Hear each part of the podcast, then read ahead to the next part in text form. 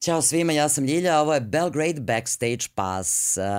Zaboravili smo da kažemo koči da donese e, sve gitare koje ima u e, ovoj prostoriji i ja dok ovo budem pričala, e, on u nekom momentu će morati da ode tamo i da pokupi sve gitare koje ima, uključujući i one male, ukulele neki i ovo i ono, zato što moramo da predstavimo današnjeg gosta. Kako drugačije nego gitarom. Vladan Vučković Paja. Pozdrav tebi i svim gledocima, slušalcima. E, znaš da smo hteli ovako da poređamo ovaj, oko tebe ove ovaj, raznorazne gitare, mm -hmm. pošto smo znali da nećeš da doneseš svoje, ono kao... Danas pričamo više. Danas pričamo, pa da, nema svirke, ali je kao, ovaj, e, koliko puta ti tako nataraju da nešto sviraš kao usput dok pričaš? pa budi, budi toga, ali mi obično ne pada mi teško, tako da meni gitara na neki način posle veliko vremena postala produžetak tela, kao, kao organ. pa bukvalno, da. Ovaj, ali, znaš šta je interesantno, znaš, e, kao ja te znam kao gitaristu i ti si gitarista, ali ode čovjek lepo na Wikipediju ili žena i tamo piše da si ne samo gitarista, nego si i kompozitor, i aranžer, i multiinstrumentalista, šta si ti nešto, nisi ti samo ono koja ja izađem i sviram gitaru. Pa to jeste, obično e, ljude e, posmatraju kroz to najveće medijsko prisustvo koje čovjek izbori za sebe, uslovno izbori ovaj, vremenom. Ja, ja sam na televizijama i na koncertima raznim Eh, provodio sa gitarom i ljudi me obično tako definišu. Međutim, eh, ja, eh, ja mislim da sam više od toga, jer između ostalog 11 autorskih albuma, od toga sam možda na 80% tog čitog materijala sve svirao sam, uključujući i bas gitaru, klavijature, klavir koji sam završio inače. Tebi ne treba bend uopšte. pa, da, ja sam u stvari one man band, odnosno kako se to već kaže, ako se i peva, onda se radi o kant autorima, a u stvari je to kategorija ljudi koji naj, najviše poštujem, jer e, oni su najobdareniji od strane onog gore ili koga god već. Tako da, Ovaj, elem, nisam samo gitarista, ima, ima tu dosta drugih stvari. Kad e, pominješ dar, e, e, ti si završio raznorazne muzičke škole, još kao mali u Boru, inače čovek iz Bora, samo da znate. Ove, ovaj, kaže, zato ne puši, zato što se tamo, tamo je dovoljno već, već disao. sam svoju dozu supora. to, to, to. Ove, ovaj, a, koliko si mali bio kad si shvatio, kad su tvoji verovatno shvatili koliko si talentu?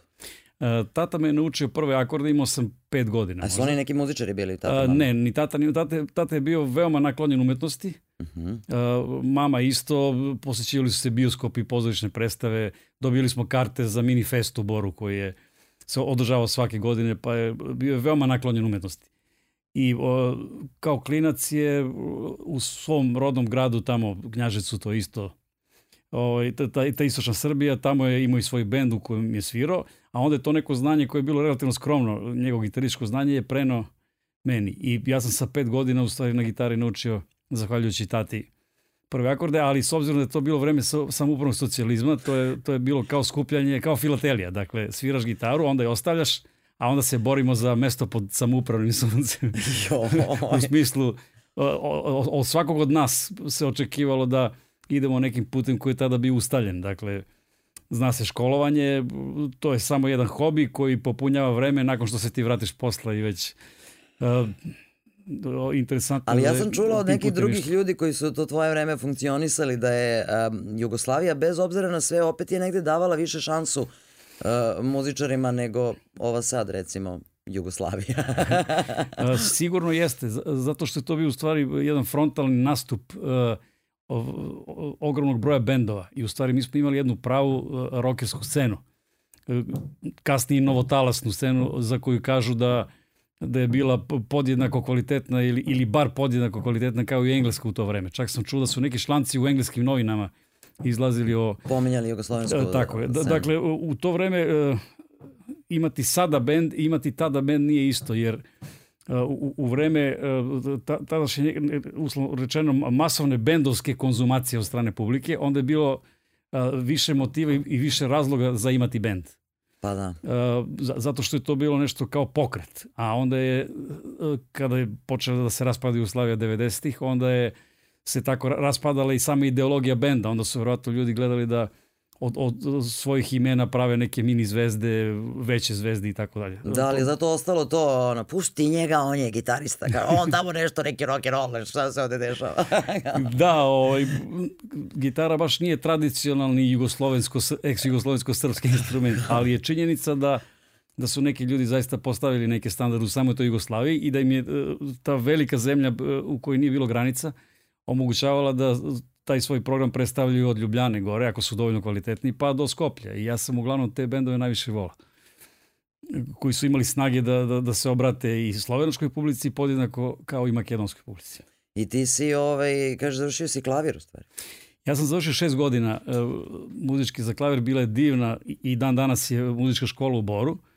Inače, to je bila politika tadašnje socijalističke zemlje, koliko ja znam da je Eh, bilo važno proizvoditi, pa, pa je bio onaj izraz prva petoletka, pa druga petoletka. ali, ali se istovremeno, paralelno, zaista ulagalo u, u kulturu i eh, kon konkretni simboli ulaganja u tu kulturu u Boru konkretno su fenomenalna sala bioskopa koja i dan danas mm. služi za kon kao koncertna, koncertna sala, sala. fenomenalna uh, muzička škola sa izvanrednom salom za uh, koncerte. Ja sam tamo kasnije svoj ovaj, instrumentalni materijal u nekoliko navrata predstavljaju izvaredan dom kulture, e, muzej e, grada e, Bora, odnosno muzej Bakra. Uh mhm. -huh. Tako da je se tačno videlo da postoji kao neka uslovčena uravnilovka, ali, ali je jedan deo tog novca koji je, pretpostavljam, bio sasvim solidan za ono vreme, je, je ulagan u, u kulturu i u, i umetnost.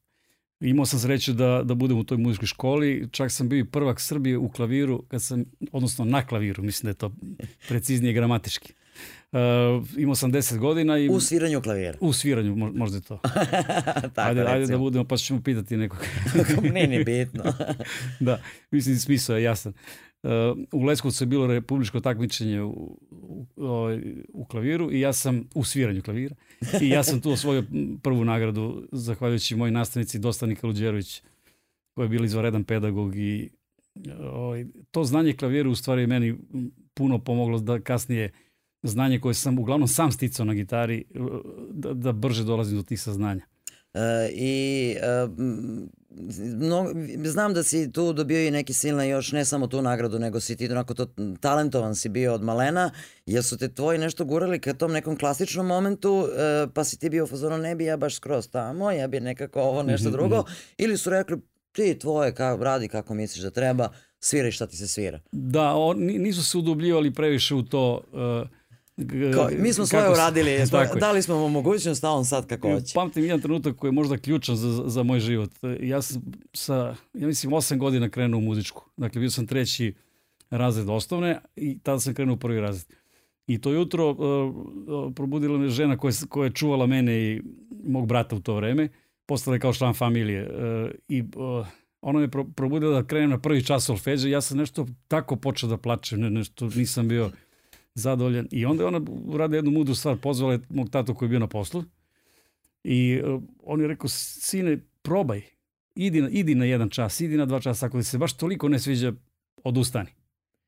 I ja sam srećom spakovao se i otišao na taj čas. Da je bilo drugačije, da nije bilo tog poziva, da sam ostao kući, možda bi moj muzički život izgledao drugačije. Da, ali, da, da je tata imao više posla u tom trenutku, da ne može da se javi na telefon, ko zna šta bi bilo s tvojom karijerom. Tako je, o, ovaj, tako da oni nisu, eh, o, oni su me uputili u muzičku i o, eh, pošto sam ja pokazao te izvestan talent koji za njih bio iznenađujući, jer oni nisu umetnički, jesu bili nastrojeni ka, ka umetnosti, naklonjeni, ali nisu bili umetnici. E, ni sami, čini mi se, nisu shvatali o kakvom se talentu radi ali ih istovremeno ne osuđujem zbog toga, e, zato što je to, to zaista bilo, e, opet da se vratim na to samoupravno vreme. Dakle, očekuje se taj put koji je već i pre nego što dođemo do sobstvene svesti kao tako mali, nama je put utaban. A oni su bili onako i jugoslovenski orijentisani, pa čak i, i skloni tim komunističkim idejama, moram da priznam. Ti si zapravo sad i objasnio, ti si zapravo sad i objasnio ono jedno pitanje koje sam tela da ti postavim, otkud sad ekonomija? Mislim, čovjek mm. je došao u Beograd da upiše ekonomiju. To, to je... To, kao prava i ekonomija, kao to je to. Kao. to, to je posebno čudno, a o, imam objašnjenje za, za to zašto je to toliko čudno. A, moj tata je bio vrstan stomatolog u Boru i deči protetičar pravio je klincima proteze i tako dalje. I ja sam, krenući za njegovim primjerom, hteo da postanem lekar. Aha. I upisao sam biološki smer u srednjoj školi i biologiju sam obožavao, ali su mi matematičke nauke išle dosta teško i loše. I onda sam dobio nekoliko loših ocena, međutim, uporedo sa tim ocenama u meni je sazrevala misao i osjećaj da ja nikad neću biti dobar lekar. I onda sam shvatio u to neko vreme, dakle, postpubertetsko ili pubertetsko, eh, adolescensko, kako se kaže, eh, da, da bih previše empatije i saosećanja unosio u, u problematiku lečenja, iz, iz, izlečenja i tako dalje. A moraš negde da imaš neki Tako je, otklon, a, da. mislim da, da su ipak e, lekari ljudi koji imaju naravno emotivni status svoj, ali moraju da se više koriste tim racionalnim delom o, ovaj, svoje ličnosti i onda sam ja shvatio da, da, da ne mogu da budem to zašto se kao navodno spremam i onda sam otišao kod tata i rekao sam tata ja ne mogu da budem. uh, Zubar, ništa, što, da, lekar, ništa. I, lekar, ništa što je vezano za A u to vreme e, moj tečaj bio veoma uspešan e, u, u poslu e, koji, koji se ticu ekonomije. Dakle, da ne ulazim sad u detalje, da, da, da, da ovaj, ne detalješem previše. I uh, on inače bio završio ekonomski fakultet, moj rođeni teče. I tata je razgovarao sa njim i onda je, sećam se čak i tog trenutka u Boru, jedno popodne, rekao, sine, znam šta ćeš da studiraš. Kaže, znam šta? šta ćeš ti da, da. studiraš. Da. Ja. Pošto sam ja zaista lelujo, ja, ja, ja nisam znao, kaže, a ja, on, on je prihvatio e, moju odluku da to A onda se dodatno zabrinuo šta ćeš ti to? I onda rekao ekonomija. jo, Tako a da čekaj, da, jesi završio ekonomiju? Ja sam, sam, ja sam završio ekonomski Baš fakultet. Baš si skoro završio? Ja sam završio ekonomski fakultet i s obzirom na... Ti si diplomirani, eko... diplomirani ekonomista. Uh, po, poštovani gledalci, naš gost je Vladan Vučković, diplomirani ekonomista. Slobodno me pitaj sve vezano za kurs i ne znam ništa. o, ovaj, E, tako da je to bila ta odluka koja je donešena uslovno rečeno na prečac, a pošto je moj tata bio ceo život revnostan i pedantan čovjek, moj indeks koga ne čuvam, imao sam ga do skora, sad više ne znam gde je, morat ću da, da ga pronađem, e, glasio je 86 kroz 1. Zato što je bio u 5 ujutru prvi na, Dakle, on, on je na neki način vodio politiku moje karijere koja nije bila vezana za muziku, nego ove druge. Vidim e, neuspešno, da, pošto da, tu tako. karijeru uopšte Htio bih da poentiram vezano za ovu priču. U stvari, kažu da se ljudi dele na cvrčke i na mrave. Ja sam u stvari od, od svojih naj, najranijih detinjstva bio ustanovljeni sudbinski cvrčak. A onda sam vremenom gradio karijeru mrava koju sam sagradio tim što sam diplomirao. Eko, I bio spreman da budem i taj mrav. Međutim, e, priroda mog cvrčka u meni, odnosno da, dovoljno talentovanog čoveka da cvrči kako cvrči već tolike godine, je ipak prevalio na stranu umetnosti i zaista se ne kajem zbog toga ne, ne žalim ni za jednim jedinim minutom u muzici koju sam da proveo na, na, da. na stotine načina. Tako. Ali dobro, negde ti je značilo možda, mada ja kapiram da si verovao u, u sebe i u, u to šta ćeš uraditi u nekom trenutku u svom životu, I uh, pogotovo u poslednjih ne znam ja koliko već decenija znaš da živiš od muzike i to je to, kao nema šta sad, tu kao prosto može da živiš od toga, ali pretpostavljam da ti je negde bilo kao ok, ako ništa drugo, možda im, mislim, jel ti padalo nekad na pamet da kao, kao ekonom, nešto vezano za ekonomiju radiš u životu u slučaju da ti nešto ovde uh, ne krene onako kako si zamislio? Pa ja mislim da to ima, ima veze sa godinama, da, da sad recimo imam 20 godina manje, a da je situacija sa umetnošću ovako kakva jeste zadnjih godina i po dana, onda bi možda imalo smisla ulagati vremenom se ljudski mozak umori od raznih stvari. Jel? E, ja sam iz zezanja na Facebooku postavio jedan status, izvukao sam tu diplomu ekonomskog fakulteta i tada sam rekao, pošto je situacija ovaka kakva već, koja već traje, znamo svi godinu i po dana, onda sam rekao i sebi i drugima, možda je vreme da malo otpakuješ tu diplomu pa da vidiš šta ćeš sa njom. I vidi da su ljudi reagovali na, na, na više načina. Neki su rekli ti moraš da ostaneš u tome u čemu jesi, neki su rekli želimo ti sreću ako rešiš i tako dalje, ali mislim, e, da, mislim da je bilo duhovito ako ništa drugo. Jel ti neko rekao prodaje? тоа е интересантно пите. тоа, тоа е интересантно Може питање. Да Може би ти више вредело сад да ја продаш некоме, пошто си некој да сам реко да више економија ти не иде баш оно. Ој, мога би да контемплирам вечерас на ту тему, пошто е тоа актуелна. А ти помогна факултет за... у тим неким uh, моментима каде мислиме музика негде јесте бизнис. Свакако, ние то само ти се седнеш и свираш, мислим и о томе ќемо. u, u nastavku emisije, ali ovaj, taj neki moment u tvojoj glavi da neke stvari eh, razgraničiš, preračunaš, da mhm. prosto mm -hmm. znaš eh, da li ti se nešto isplati ili se ne isplati, mm u kojoj meri. Uh, jel ti uh, da. naučio mozak još od mladih dana zbog fakulteta da malo neke stvari to, na taj to način? To je odlično pitanje. Uh, mislim da čovjek i umetnosti, ako želi da napravi karijeru ozbiljniju, on, on mora da ima jedan deo svoje vojničke prirode. A tata i mama su uh, bili, mama je živa još, tata je bio veoma disciplinovan čovek, veoma disciplinovan. I ja sam između ostalog služio i tu Jugoslovensku narodnu armiju nakon onog trenutka kad sam dobio indeks 86 kroz 1, onda je bilo ludo leto u Boru. Jel? I onda sam otišao u vojsku po sili zakona tada.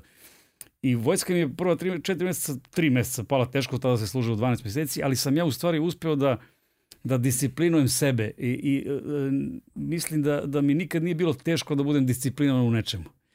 A e, to je u stvari bio fundament da, da taj svoj talent koji sam gradio zaista ozbiljno, sad već vidim du, dugi niz godina, nekoliko decenija, e, da naslonim na disciplinu.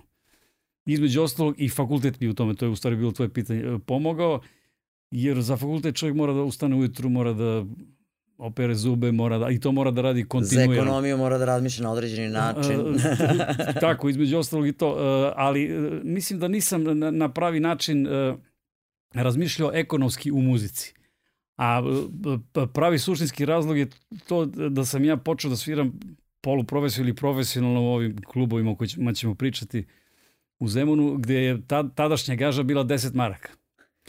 Uh, I tada je moj tata koji je stomatolog, umeđu vremenu smo se preselili za Beograd, on je zarađivao 5 maraka mesečno, a ja iz kluba donesem 10 za jedno veče. I onda je to njemu bilo, šta ti to radiš da bi ti mogao da imaš duplo više od mene? Kriminalac, još zemo, ne. Tako je. Međutim, e, suština je bila ta da, e, dakle, da sam ja u to krenuo srcem, a ne, uh, ne slušajući ili E, ocenjujući vrednosti e, e, poruka koje dobijam na ekonomskom fakultetu. Jer, jer da sam tako gledao, ne bi, ne bi ni, se, ni penio na te bine, jer zaista 10 maraka je bilo, dakle, drugi je bio poriv. E, ali vidiš, interesantna stvar, kada smo u nekom momentu pričali o uh, Zemunu, kad smo pričali o festu koji uh, tu negde oko nove godine uh, obeležava 30 godina postojanja i uh, u nekom momentu će biti uh, napisana je jedna knjiga vezana za, za istoriju tog kluba. Ovaj, kad si, e, rekao si neku rečenicu koju ja mislim otprilike mogu da je citiram ono, u, i u knjizi i svuda, a to je da nije tog festa ne bi bilo ni mene možda.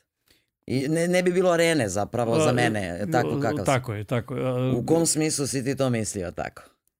E, pa, na neki način to je neki razvojni put koji je potpuno logičan, jer bar, bar onako kako sagledavam to vreme. Dakle, mi smo svirali prvu Magnum u čuvenom e, zemunskom klubu.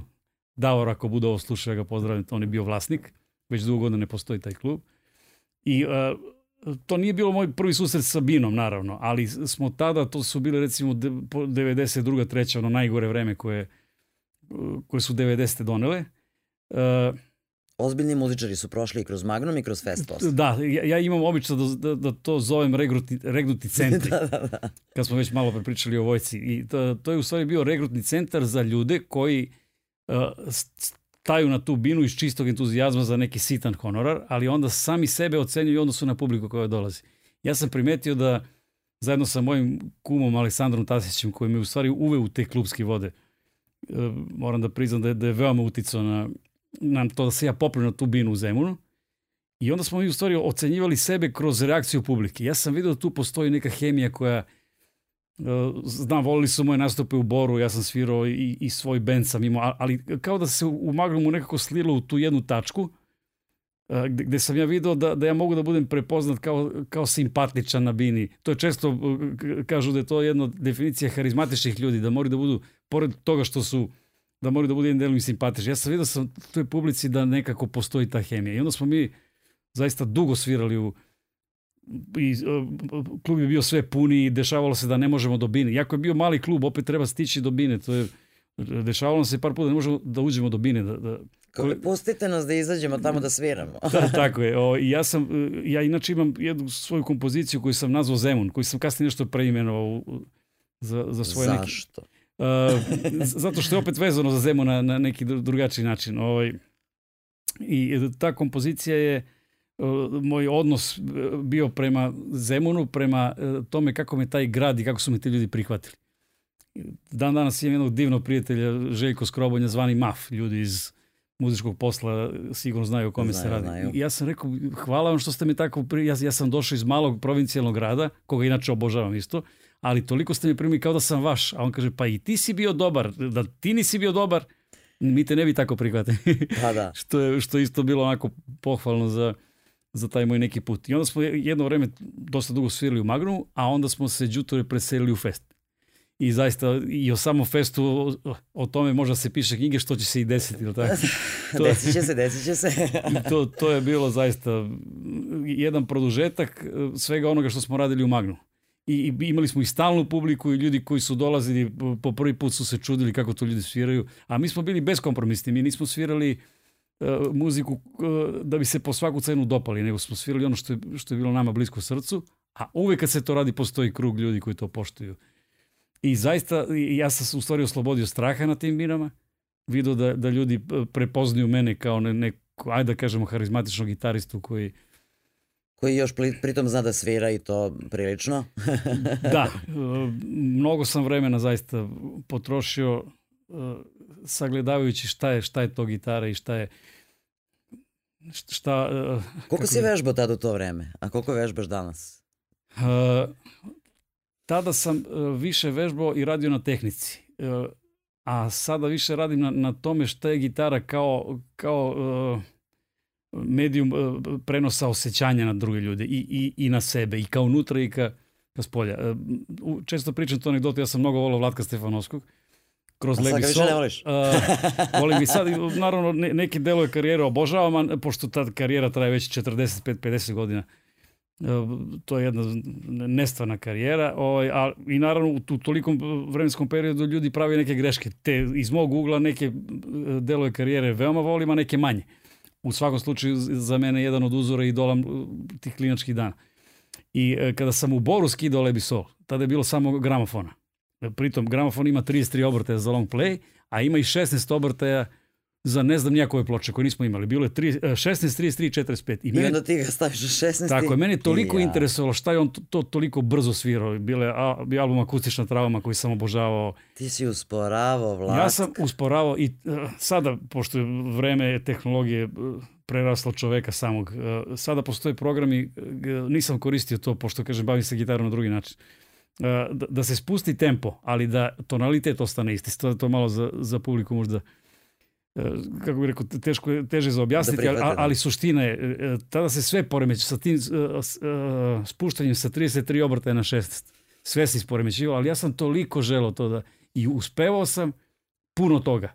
I čini mi se da se tada skoro pastizo tu tu u brzinu. Međutim, jednu toliko sam shvatio da je, da je na kraju krajeva to više nije stvar talenta nadahnuća, nego je stvar te, tetiva, odnosno, da kažem, arhitekture ruku shvatio sam da, da ne mogu tu brzinu i preciznost da postignem, a to je otprilike bilo tačno vreme kad sam počeo da radim na svojoj muzici. I to je meni došlo kao kec na 11, jer ako čovjek hoće da nešto kaže u muzici da bude njegovo, on mora da u jednom trenutku napravi otklon od svojih idola. Jer ako to ne uradi, onda onda postaje e, tribute band protiv kojih nemam ništa protiv, naravno. Znam puno momaka, naš Queen tribute E, ali suštinski, ako je čovjek autor u duši, on mora u jednom trenutku da napravi. E, meni se poklopio taj trenutak. Da sam shvatio da ne mogu tako brzo, ali mogu na način na koji ja sviram.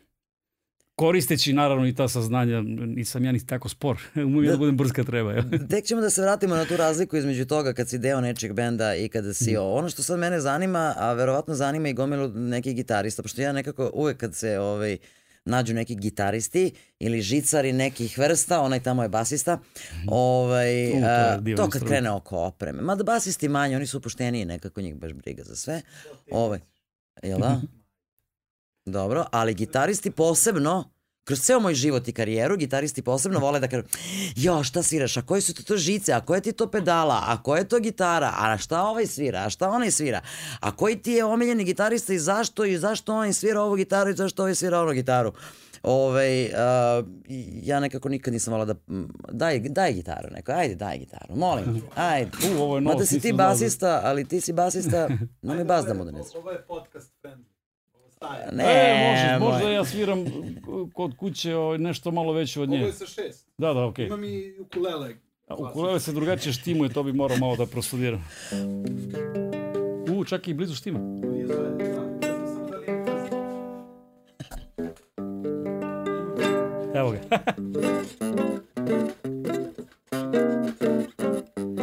Funkcioniše dakle, pitanje je bilo vezano za opremu. Da, tako? A, prvo kako si Aha. krenuo kao klinac, ono kao jesi imao neki kao, pošto dobro, opet nije vreme bilo kad se tako lako dolazilo do instrumenta, još uvek. Da. E, Pretpostavljam. I ta električna prva neka gitara koju si ti rekao, ja ovo moram sad i šta i kako, koja je to gitara bila? E, prva gitara koju smo brat i ja dobili od naših roditelja je bila gita, gitara koja je donesena iz Rumunije i bila je kopija Romansk. crnog Gibsona. Eto, to je interesantno. Ali tada je više svirao... ja sam baš, e, e, ne, ne u meri u kojoj sada, ali postoji ona čujena u ruke Mandušića Vujel. Ono.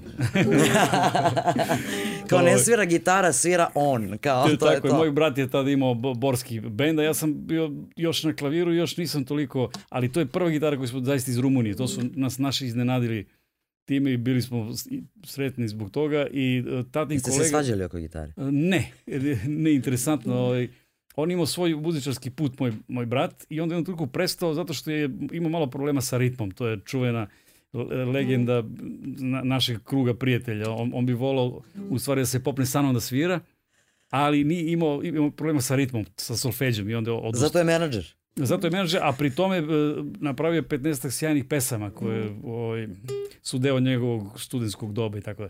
Uh, sjećaš se da to bila prva gitara, a ona uh, prva, da kažem, ozbiljna gitara, uh, uslovno rečeno, za, za, za taj, kako bih rekao, za tu geografsku širinu i dužinu uh, i, i za na, naše ambicije uh, je bila uh, bela Maja kopija Fender Stratocaster.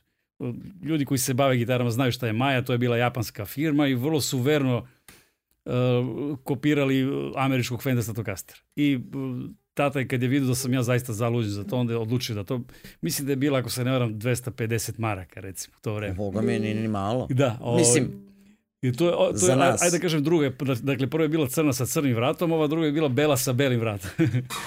I onda sam ja sa, sa tom gitarom nastavio da vežbam, bilo je vrlo pristojno zaista za to vreme i sa tom gitarom sam osvirao jedan vrlo bitan koncert u svom životu, a to je e, bio koncert posvećen e, gru, e, pe, pesmama grupe Lebiso. Malo pre mhm. sam pomenula. U toj muzičkoj školi Porskoj, koju sam malo pre pomenuo isto. I uh, u, u stvari u to vreme uh, bili smo trojka, dakle u, u to vreme i Lebi Solisto bio trojka i mi smo praktično bili tribute bend u vreme kad tribute nije postojao kao, kao kategorija. Pošto imam već ne, i neke godine koje nisu za zanemariti. Uh, Eh, taj koncert je iz, iz više razloga meni bitan životno. Tako da sećam se da, da sam tu gitaru svirao na tom koncertu. A onda sam se, kad sam se preselio za Beograd, onda sam je prodao u jednom trenutku. I onda sam krenuo u neke, jedna što ti kažeš, jedna gitara, druga, treća, zašto je ova bolja? Mada suštinski, moram da priznam, ja, ja nisam od onih uh, frikova što se opreme tiče. Ne, a? Ne. Uh, Znači, da. nećemo uh, u nekom momentu imati ono fotku uh, Paja Vučkovića koji iza sebe ima... za mene. što mi to poznato nešto. I, znamo te neke silne ove ovaj, gitariste koji... Jeste, na, naravno, oprema je važna, ton je jako bitna stvar, naravno, veoma bitna. Ali tu postoji ta zamka da čovjek uh, uđe u šumu i onda se zagleda u jedno drvo, stara priča, jel? i u stvari ne vidi čitavu šumu od tog jednog drveta. Uh, imam par drugara, jedan baš se u tome ističe, ne bi da ga imenujem, ali uh, eh, njegov, njegov odnos prema opremi je bio nešto što je što ja mislim čak eh, na, na kraju stop, stopiralo ili supresiralo taj njegov talent koji je bio, jer je svo razmišljanje otišlo ka opremi. Uh, sad ovaj argument mogu i da podržim sa, sa par anegdota. Uh, uh, ja sam stavio pet nekih svojih omiljenih gitarista na Facebook, pre, čisto onako da vidim kako će ljudi reagovati na tu moju top listu. Uh, moj najomiljeniji gitarista svih vremena je Brian May iz Queen. Dobro. Ali ne, ne samo zbog toga što je komponovao, mno, mnogo tu razloga ima. E, na toj lici se nalazi i Edge iz grupe U2. Način na koji su oni dolazili do svojih veličina je diametralno suprotan. Zašto? Zato što je Brian May napravio tu svoju čuvenu uh, uh, Red Special, Red Special se zove ta gitara. Celu svoju karijeru sa Queenom i kasnije on je svirao isključio tu gitaru, osim kad, kada su ga naterali da za Crazy Little Thing Called Love uzme Telecastera. Pamtiš onog crnog, verovatno. E, e, ja mislim da je to bio Telecaster, sad da li ja me, ne, ne znam baš. A, govoriš o, da, da. da, da, da. E, Red Special je u stvari praktično izmišljotina Brian Maya. I on je svirao Voxova pojačala, imao je te neke svoje delay mašine, imao je svoj, a, ali je to oprema koju on svirao kako 75. tako i do, do korone ili već ne znam. A e, Edge? A Edge je potpuno e, drugačije napravio svoj koncept. On, on sam kaže, mene je strah za ljude kad ja krenem da pravim ton dok ne budem zadovoljan tonom. I Edge je e, karakterističan po tome što na koncertima YouTube a svaka pesma je nova druga gitara. Pri tome, on, on uh, kopira... Znači, ja to nikad nisam primetio. Da, da. On, on, on Vidi kopira... se da nisam gitarista. on kopira zvuk uh, koji je dobio na albumu i takav verni zvuk E, prenosi i na koncerte time što svira gitaru koju je svirao. Primetit ćeš na spotu, ja mislim da je pesma One. Tu ima Gibsona koga obavezno svira kada se svira pesma One. A onda kada svira Sunday Bloody Sunday, onda svira Statokastera ili to sam zaista primetio. Ja čak mislim da ne preterujem, ali mislim da je za svaku pesmu on ima. Prema tome, odnos prema opremi je, je krajnje relativna stvar i lična stvar. I e, to što neko zna da postoji 70.000 pedala, to a, a priori ne znači i čak i ako je talentovan da će mu e, karijera ići uzlaznim tokom. E, tako da e, Točak je svoje vremeno, imao sam prilike s njim i da sarađujem i da, i da učim od njega, što je e, velika privilegija, zaista. On je rekao, pa jo, pa, o, mislim, ima tu malo jedan anegdotskog pristupa, nije to baš tako, ali je rekao, šta će ozbiljnim gitarist ima pedalboard? Imaš gitaru, imaš kabel, imaš maršala. I to je dovoljno. Tako da, e, e, oprema u stvari treba da bude u službi duha e, i talenta, a ne obrnuto. Pa da, i da zavisi verovatno od toga kakav si ti kao muzičar. I ako ti odgovara da imaš tu i tu pedalu na, tako, ili želiš da ovaj zvuk postigneš na ovaj ili na onaj način, uradi to.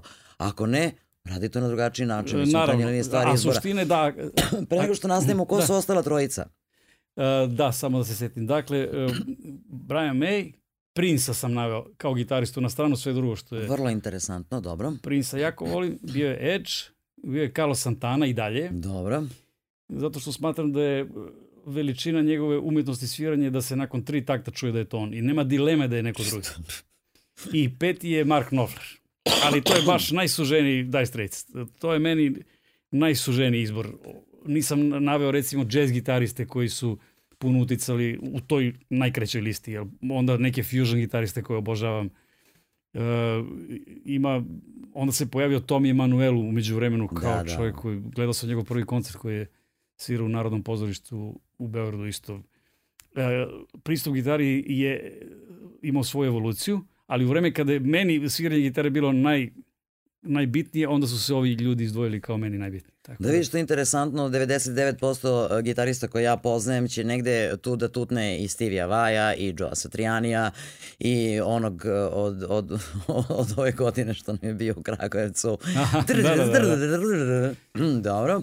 O, Ingvija Malmstina. Ove, ovaj, ja verujem da a, e, izbor a, omiljenih gitarista jako puno govori o tome kakav je neko zaista kao gitarista i kao muzičar. To je... Mm, verovatno da Eh, ja bih tu naravno dodao na listu i nekoliko naših eh, svirača gitarista koji su obeležili zvuk bivše Jugoslavije. Oni bi se možda nadovezali u sledećih pet po toj nekoj e, ex-jugoslovenskoj koncepciji. Ili... Točak. Svakako. Vlatko. Naravno, Vlatko. Eh, ja sam volao veoma kako je Goran Bregović svirao gitaru u, na prvi 6-7 albuma, onda je posle počeo da se baviti drugim stvarima koje naravno su imale svoju težinu ovako ili onako. E, e, volao sam jako sviranje Milana Mladenovića. Na stranu što ga svi znamo kao pesnika i pevača. Jeste. Smatram da je njegovo sviranje bilo izuzetno. I još jednu stvar, e, neko mi je bio skreno skoro pažnju. On je napredovao e, kao gitarista u karijeri. Dakle, ono što je svirao u vreme Modro i Zeleno ili Oči boje meda, je svirački gledano manje zrelo ozbiljno manje, ne, ne govorimo o, o dometima nadahnućih talenta da se napravi riff, nego samo u sviračkom delu. Da bi kasnije na, na albumu, kako se veše zvao, ne, neko nas posmatra, e tu se čuje ta njegova na, taj njegov napredak na gitari. Ja, ja sam ga par puta video svoje vremeno na onim čuvenim studijskim protestima uh mhm. -huh. i nis, nismo se poznavali, na, nažalost preminuo uh, relativno brzo posle toga, ali mislim da je isto važan kao gitarista na stranu sve drugo. To je, vidiš, prvi put u životu da čujem da neko izdvaja Milana Mladenovića kao gitaristu. Da. E, kažem, a što ti kažeš, e, a, a, taj izbor, moj lični omiljeni gitarist u stvari govori vjerojatno puno i o kasnije o, o, o meni i o mom nekom sazrevanju, kako sam ja to video kroz instrument. Upravo. E, I e, nekako, e, mislim, stvarno sam imao e, mislim, možda ćemo sada da i preskočimo jedan deo, ali ajde da ne pričamo o detaljima tu nekim silnim Ovaj, samo ću da te kratko pitam prvo, koliko sad gitara imaš svojih ličnih? E, ja mislim da imam 11 gitara i jedan bas. Pa dobro skromno za nekoga ko se toliko decenija bavi gita, gitarom. Nije, nije neka cifra, ovaj, bar mislim. Naravno, volao bih da imam još neke gitare drugačije prirode, drugačije vrste, ali kažem, tre, trenutno mi je gitara u funkciji onog što... E, što, što želiš da izraziš. Tako, ono što uslovno rečeno proizvodim kao muziku. Dakle, Eto, a pedalboard nemaš? ped, pedalboard imam, tu sam, tu sam razočarao Šta bi točak ve, ve, velikog e, Radomira Mihajlovića. I, imam pedalboard, ali taj pedalboard je, već dugi niz godina sviram taj, taj neki Isti. raspored koji je ele, elementarno i moram priznam da sam dosta zadovoljan tim tonom koji imam na tim velikim koncertima, tako da, da više volim da izađem na veliki koncert, a da znam tu svoju konfiguraciju koju imam, nego da sad kupujem neku novu pedalu pred veliki koncert. Pa da je probaš, da, da, taman posla. Da. E, vidiš ovako, sad je tu, dolazimo do jednog interesantnog momenta, sam si pomenuo to, autorski deo, i mislim, e, ja sam nekako od uvek pričala i dan danas tvrdim da svaki muzičar ili neko ko se makar e, sporedno bavi muzikom u životu, koji ima u sebi bilo šta autorsko, makar to bilo ovolicko nešto, makar to bile tri i po pesme, nema veze, E, da to mora da izrazi u nekom trenutku u životu, inače će da se obuđa.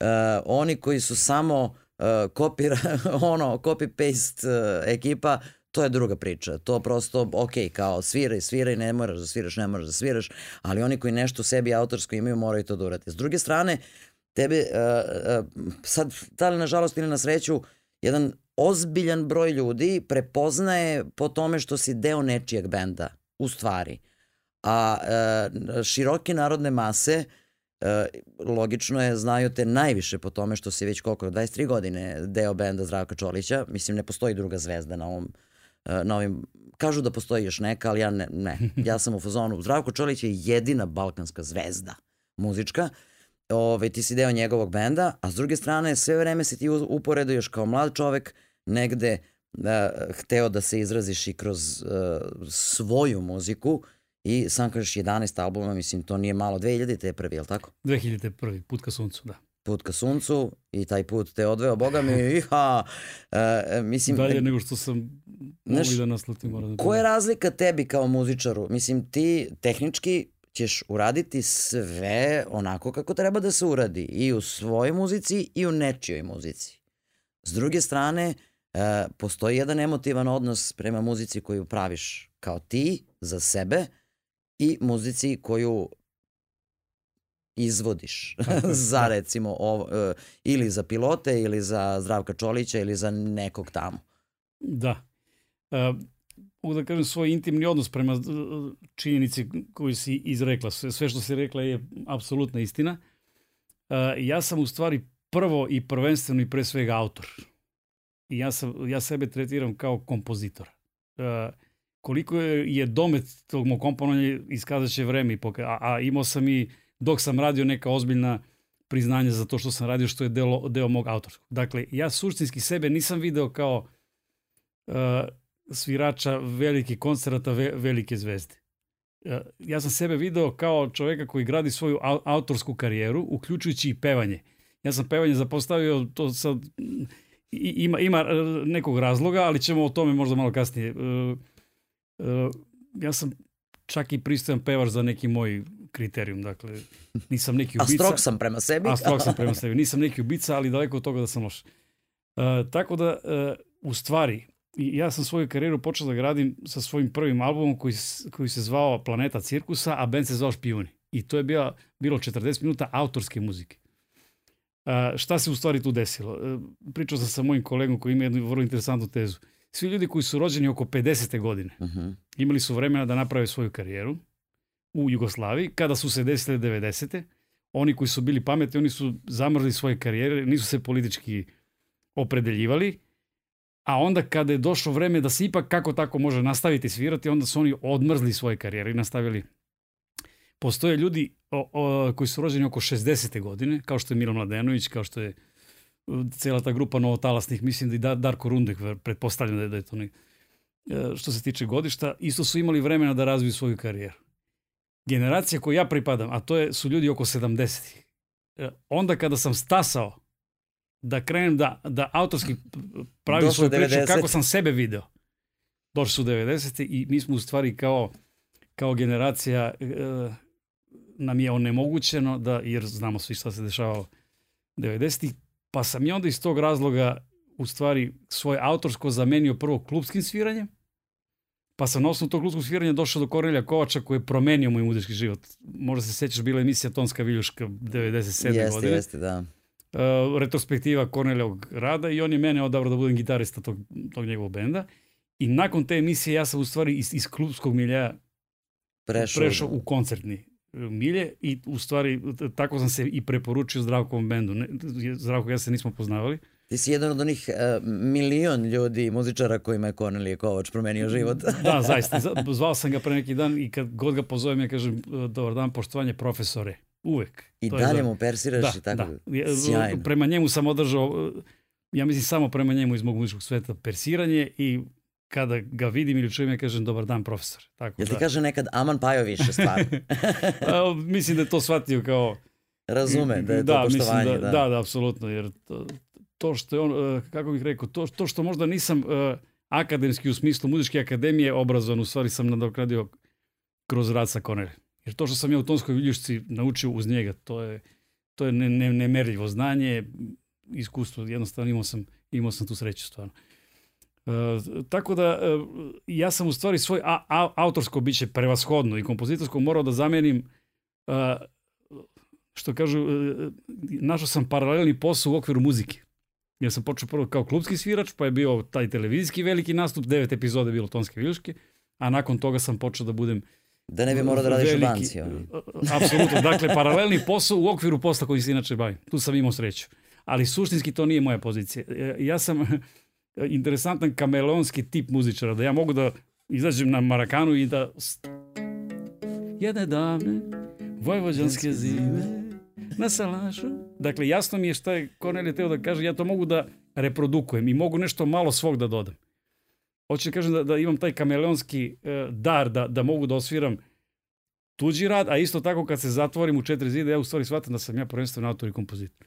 Eto, to je... Ne, ne, e, e, Jel teško sačuvati to autorsko sebi kada si e, toliko dugo e, sa nekim, mislim, to su jake ličnosti, jaki bendovi, jake priče velike mhm. koje su vrlo sklone tome da povuku nekoga, uh, E, što finansijski, pretpostavljam da je to tebi sasvim solidno u životu pomoglo, da, inače to ne bi da, radilo. Mislim da ne onoliko koliko ljudi misle ni blizu, ali je, što ti pa kažeš, pa može se od toga živeti. Tako da- može da, da se živi da. nekako od takve stvari. Ako se dođe u te neke jeste, orbite. A, a da ne govorim o tome što zaista, mislim, a, da, da sada da ne pričamo kak, kakav je on kao ličnost, ali on jeste kao kao pevač i kao zvezda, on zaista jeste ličnost koja može uh, da nekako te povuče ka tome kažeš ma šta ja sa to da. moje idem tamo zato što je to ipak znaš ti si dobio mogućnost zahvaljujući Zdravku Čoliću eh, da budeš na najvećim binama u ovoj zemlji Svaki. i u regionu i uh, e, po Svirali čitavom i, svetu. I, i svetski Pa da, o tome, znaš, da. ono kao, ja sad opet, uh, da se e, čak i našalim, ono kao čitaš u Wikipediji, kao ove godine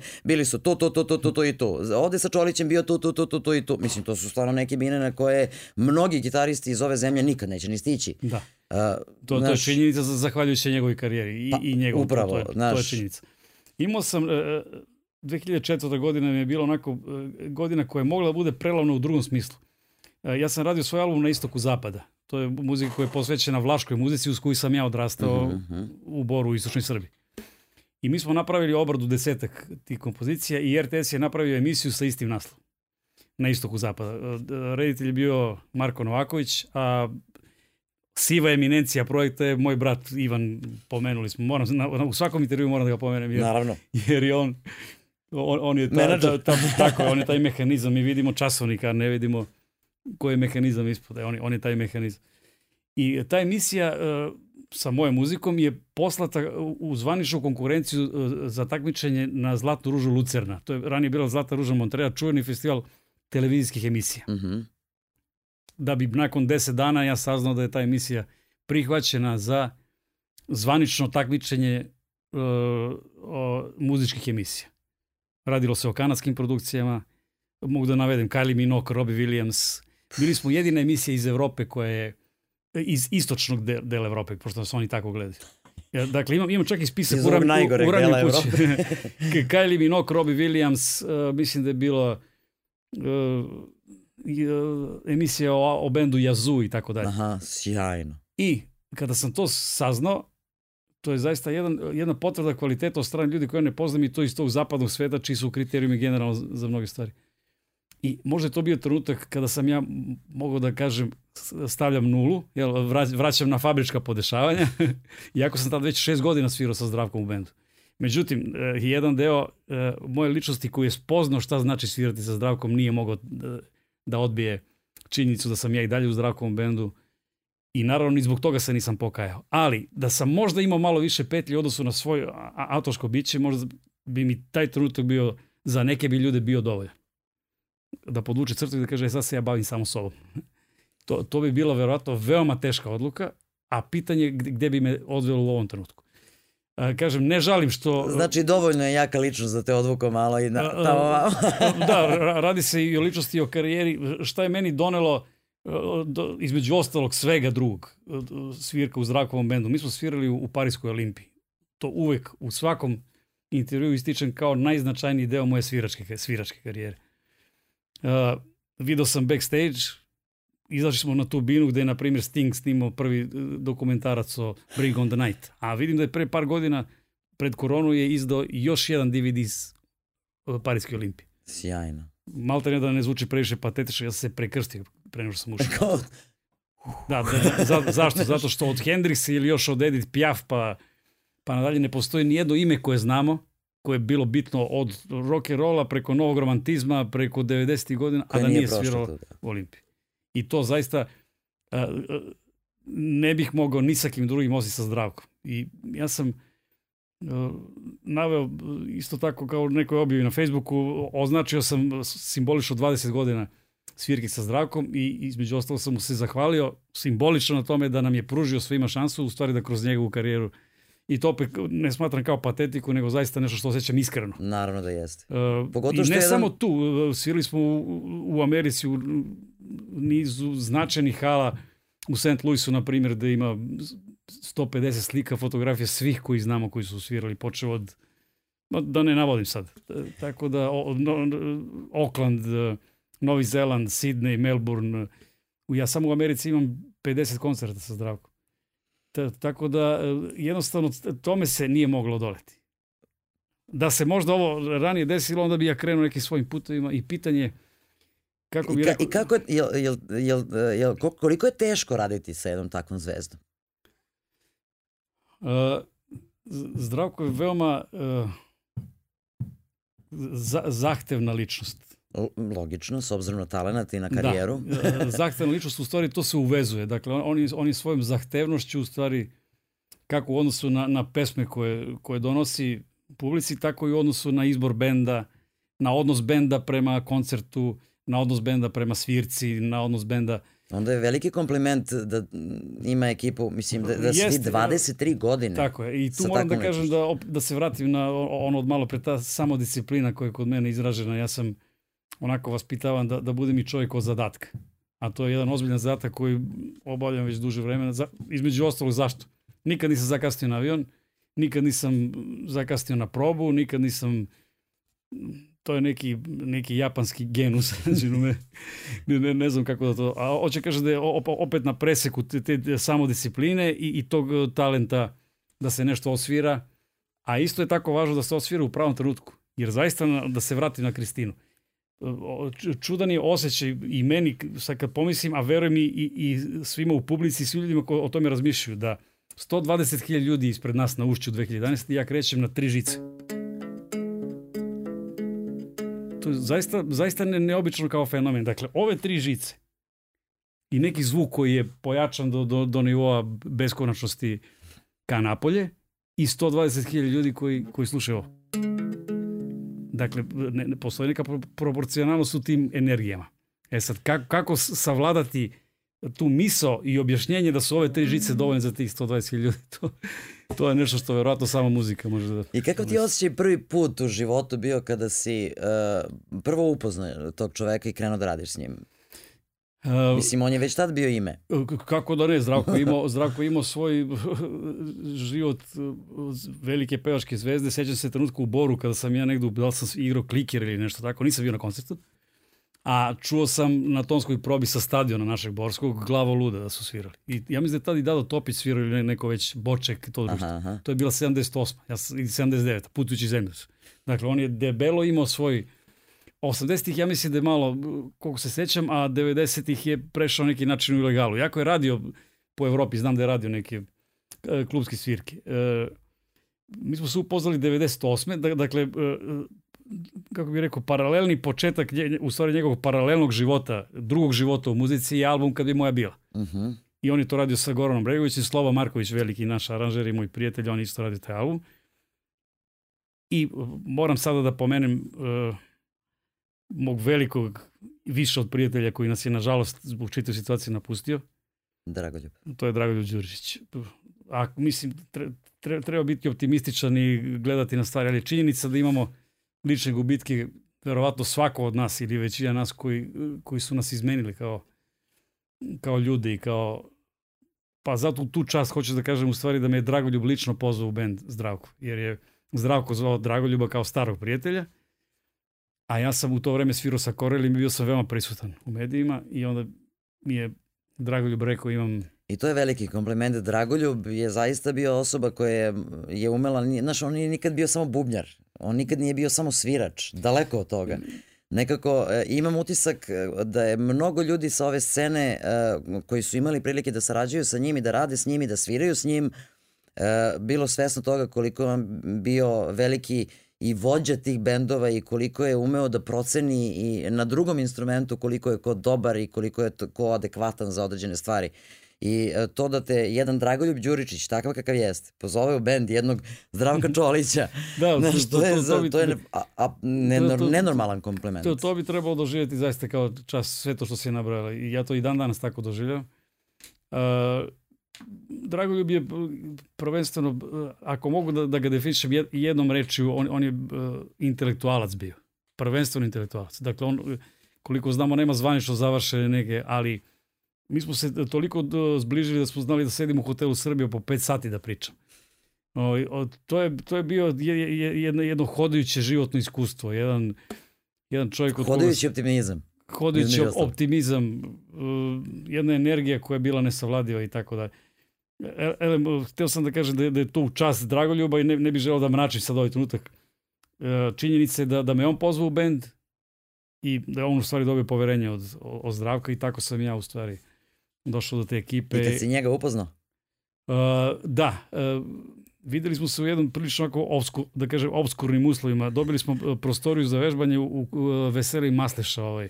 Međutim, dali su neku prostoriju koja je bila dva sa dva i baš nije, nije, nije, nije ništa baš što je, band Da, ništa što je trebalo da kako bih rekao, ispuni te tehničke standarde, ništa od toga. Međutim, Zdravko, je, tu smo se upoznali. Došao je sa tadašnjim menadžerom Madison Gojakom, tad smo se prvi put videli uživo, I on je rekao, stari, morat ćemo mi ovo bolje nije ovde. On ima izuzetan dar da kad vidi da nešto ne valja, da u, u sledećem koraku on ispravlja. I onda smo se već našli u, u nekoj drugoj prostoriji nakon tih par proba i uh, to je karijera koja, e, ta njegova karijera zaista je najveća, tu nema dileme. I ona isto izvire po meni mislim da ga dovoljno dobro poznat da mogu to da kažem, da je opet uh, presek samodiscipline i Pa mora da bude tako. Znaš, ljudi nekad misle, to je kao neko samo je talentovan i harizmatičan. Ima i toga, naravno, to je užasno važna stvar, pre svega da si harizmatičan i da imaš taj e, način uh, specifičan na koji ćeš svoj talent da izneseš.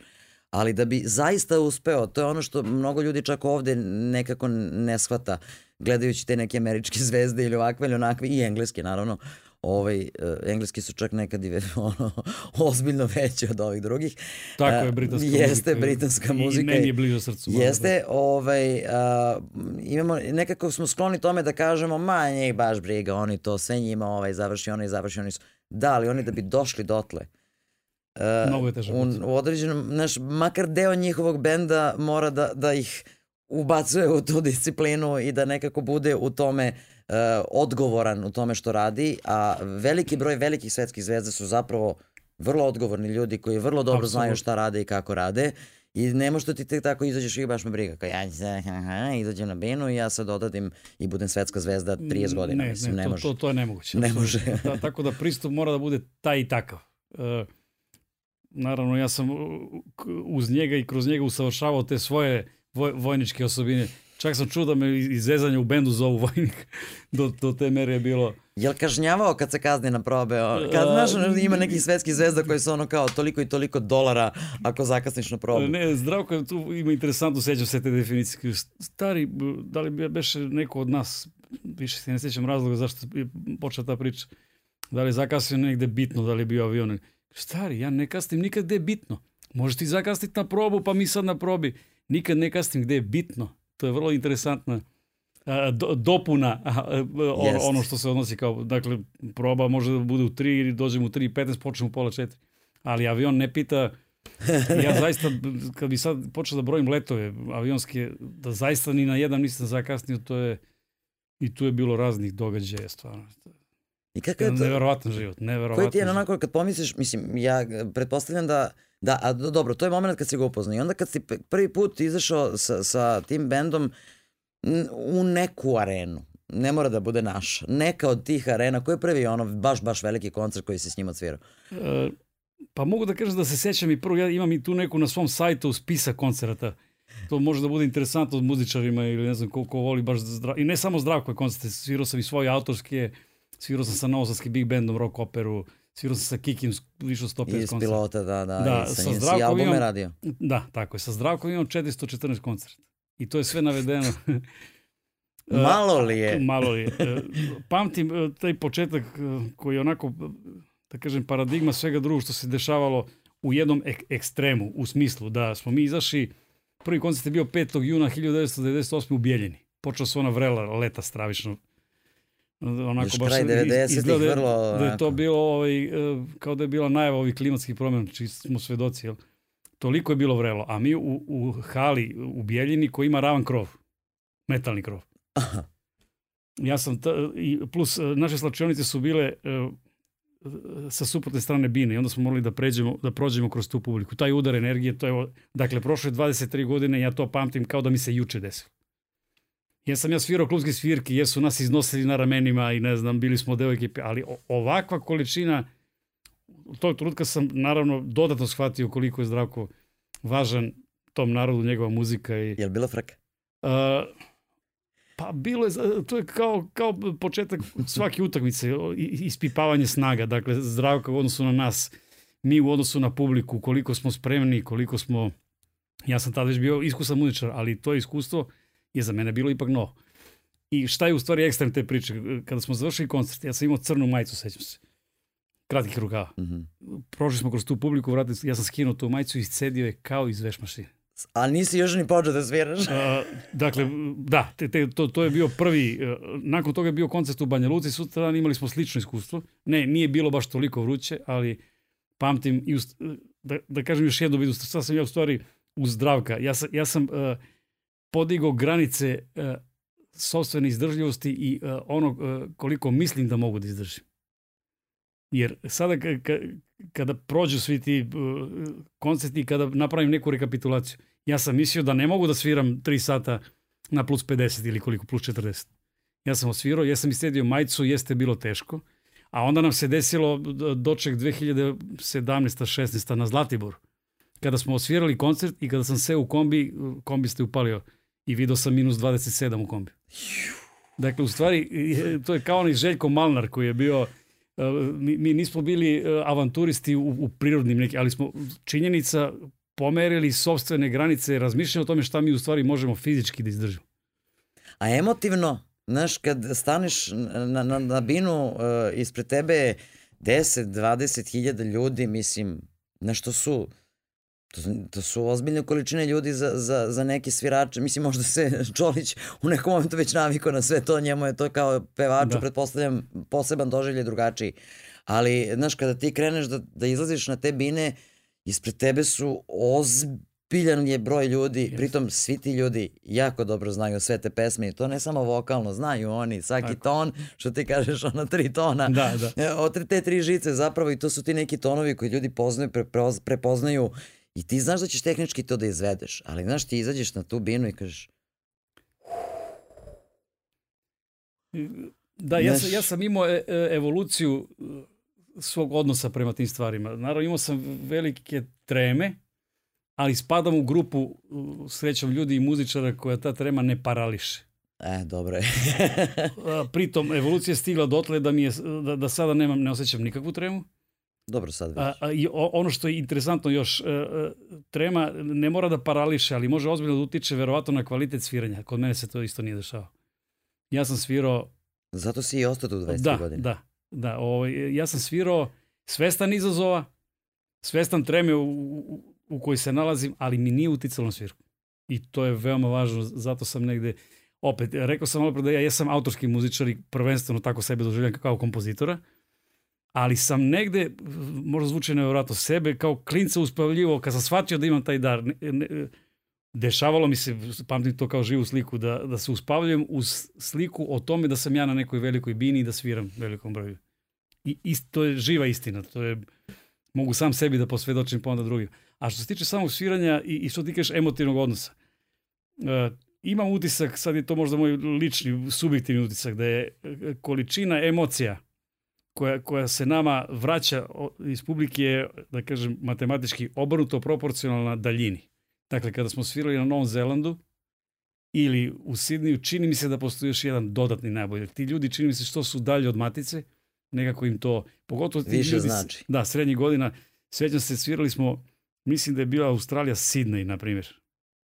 Jedna starija gospođa, ne, ne bih mogao, svirali smo Pusti, pusti modu, gde se pominju štikle i ne znam. I ona je uzela svoju cipelu i ovako držala cipelu. Sjajno. Ali to je toliko bilo simpatično. Nebrojeno puta smo videli suze. Nebrojeno puta smo... Desilo se, recimo u Vancouveru smo svili prvi koncert u Kanadi, a onda smo nakon tog koncerta koji je bio prekinut, neću sad detaljišem, možemo u nekoj drugoj emisiji, smo otišli kod vlasnika restorana koji je organizovao koncert. I kako smo ušli, spontani aplauz 400-500 ljudi koji je bilo tamo. To, to su To su trenuci za koji pravi muzičari žive.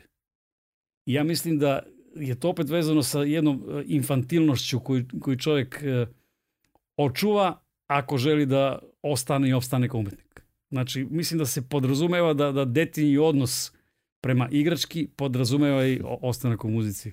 Ja, a kako, kako je, mislim, kažu da ne može da se ovaj, uh, e, band ono, sastavi kako god da je to profesionalna ekipa koja prati jednog muzičara, uh, ako se međusobno negde ne slažete na određeni način, jer opet treba, jesu to i avioni, i oni su kamioni, ali bude i autobus, bude kombi, bude, znaš, to su neki uh, hoteli, čudne situacije, veoma, ti backstage-evi, gde su ljudi vrlo e, specifični, jer svako ima neki svoj moment u tom backstage-u kakav je.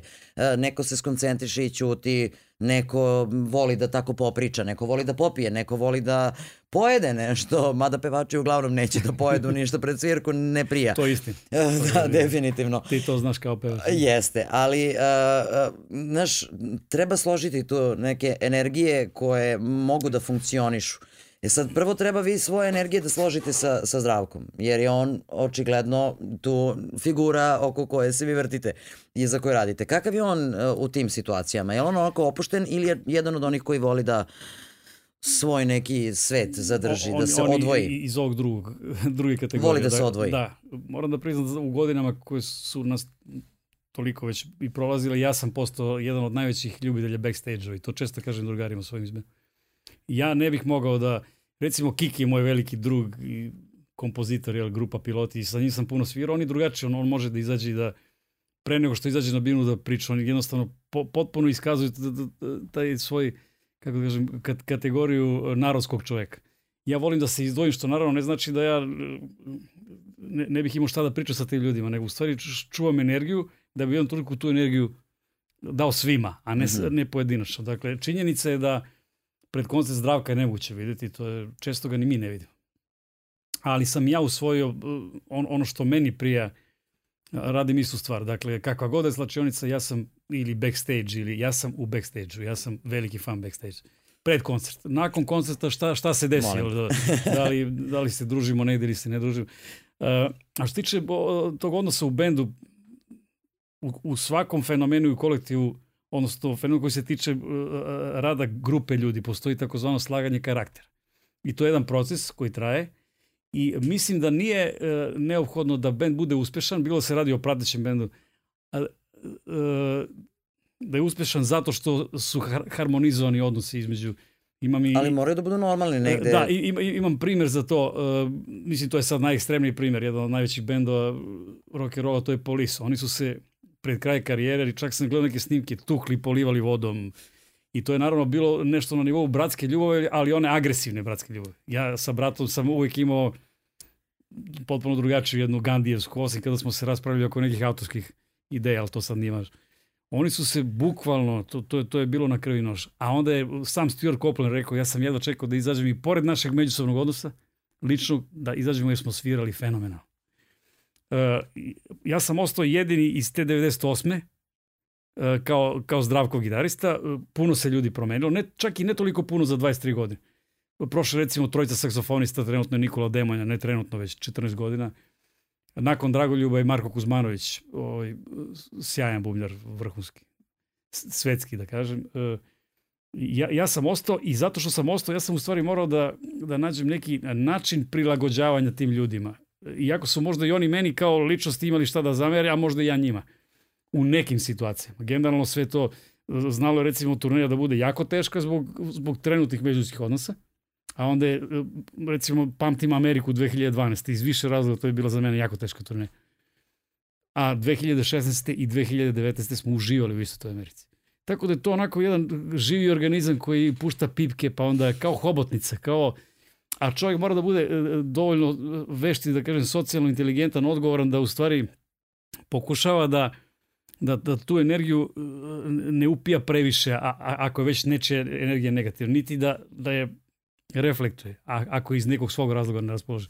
Tako da je to vrlo onako Vrlo je važno, da, i vrlo je, da. i vrlo je teško. Znaš, nekad imam utisak da, da u razgovoru sa nekim muzičarima sve, znaš, kao, nekad se misli da malte ne treba da budeš samo dobro, dobar, tehnički dobar gitarista, recimo, u ovom slučaju, da bi ti mogao da izađeš na binu sa takvim nekim bendovima i da ideš na turneje s njim.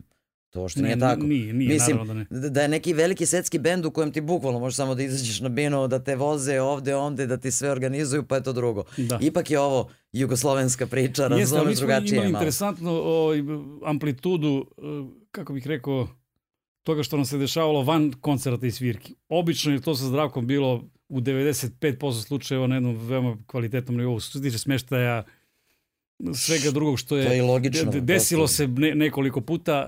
Ja recimo pamtim Dubaj, svirali smo u Dubaju 2014. Tamo se desio problem. Ne, tamo je bilo A, najbolje. Dobro.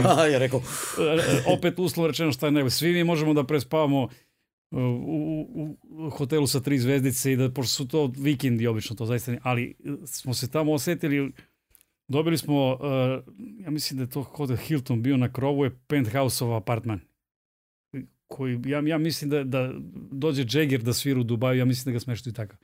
Ne znam čime smo to zaslužili. To, kažem, to je is, iskočilo znatno iznad proseka onog što mi imamo, ali recimo na svakoj američkoj turneji ti hoteli su vrhunski, a pamtim Dubaj kao zaista nešto onako... I šta je to wow. bilo interesantno, mi smo svirali beach party i mi sa krova gledamo kako na, nameštaju tu binu za nas. Pa onda siđemo dole i ja čak sam se i okupao, iako nisam, iako nisam neki plivač, okupao sam se u tom moru i bacim pogled ovako vidim kako bina raste, kako mislim, fantastičan jedan. A onda je bilo i nekih drugih sad, nije važno. Je li bilo dovoljno gledalaca za, za koncert jednog Zdravka Čolića no, u Dubaju? Bilo je, Pošto bilo još, je... ja sam bila 2008. E, u Dubaju, mislim i tad je već bilo jako puno ljudi sa da. prostora tamo. Bilo je, ja, ja sad ne znam tačno računicu organizatora koji je, ali takve destinacije Zdravko je često imao običaj da kaže da idemo tu i tu nezavisno od honorara, evo ja se odričem svega, vi ćete kao dobiti vaše, ali ja ne, ne moram samo da odem da vidim. Samo da se ode da. tamo, da, da. Zdravko je veliki svetski putnik i uvek je u, u skladu sa svojom radoznalošću. Dakle, on ne, nikada nije ostavio tako da, da, da se nečemu ne obraduje ili da stalno je, pa čak i u muzici, on prati modernu muziku da bi znao kako svoju da postavlja. Kada, kada dolazi do novih albuma i tako da. Tako, a što se tiče same publike, meni je bila posebna čast, sklopili su se kockice, tada je Novak bio na turniru u Dubaju, mm -hmm. koga ja inače mnogo volim, kao ja mislim većina naše populacije. Ovaj, Siguru. no, sigurno, dakle. On je, ja ga zovem e, motivacioni govornik koji ne govori. Jer, zato što, što kaže, kod vaspitavanja deteta nije stvar da, da mu ti pričaš, nego ti postupkom treba da, da pokažeš kako se ponaša u kuhinji, kako u kupatilu, kako, pa onda probaš da te on sledi na osnovu postupaka, ne na osnovu priče. Elem, bio nam je Novak na, na koncertu, imamo i sliku zajedničku. Ima jedna interesanta stvar, e, pošto je Novak na pauzi, e, mi smo svirali iz dva bloka i e, kad smo svirali Glavo luda, koja je posljednja pesma prvog bloka, ja sam pogledao ovako i vidio sam Novaka kako ulazi u Zdravko šator. Bio je Zdravko šator i naš šator. I mi smo sišli i onda su se oni zadržali jedno 45 minuta, a Đuka je bio sadašnji zdravko organizator koncerta, ovaj, bio je zajedno sa mhm, njim u mhm. šatoru. I onda je Novak izašao i slikao se s nama, malo se družio i otišao da gleda drugi deo iz publike. I onda smo mi pitali Đuku šta su pričali, šta je... A Đuka je e, rekao, kaže, pitao, kaže, interesantno, kako traješ toliko dugo? To je Novak pitao zdravka. Vrlo interesantno. Malte ne, kao da je, to je 2014. Dakle, Novakova karijera traje još od tada sedam, a i tad je bio veliki, ako ne i najveći.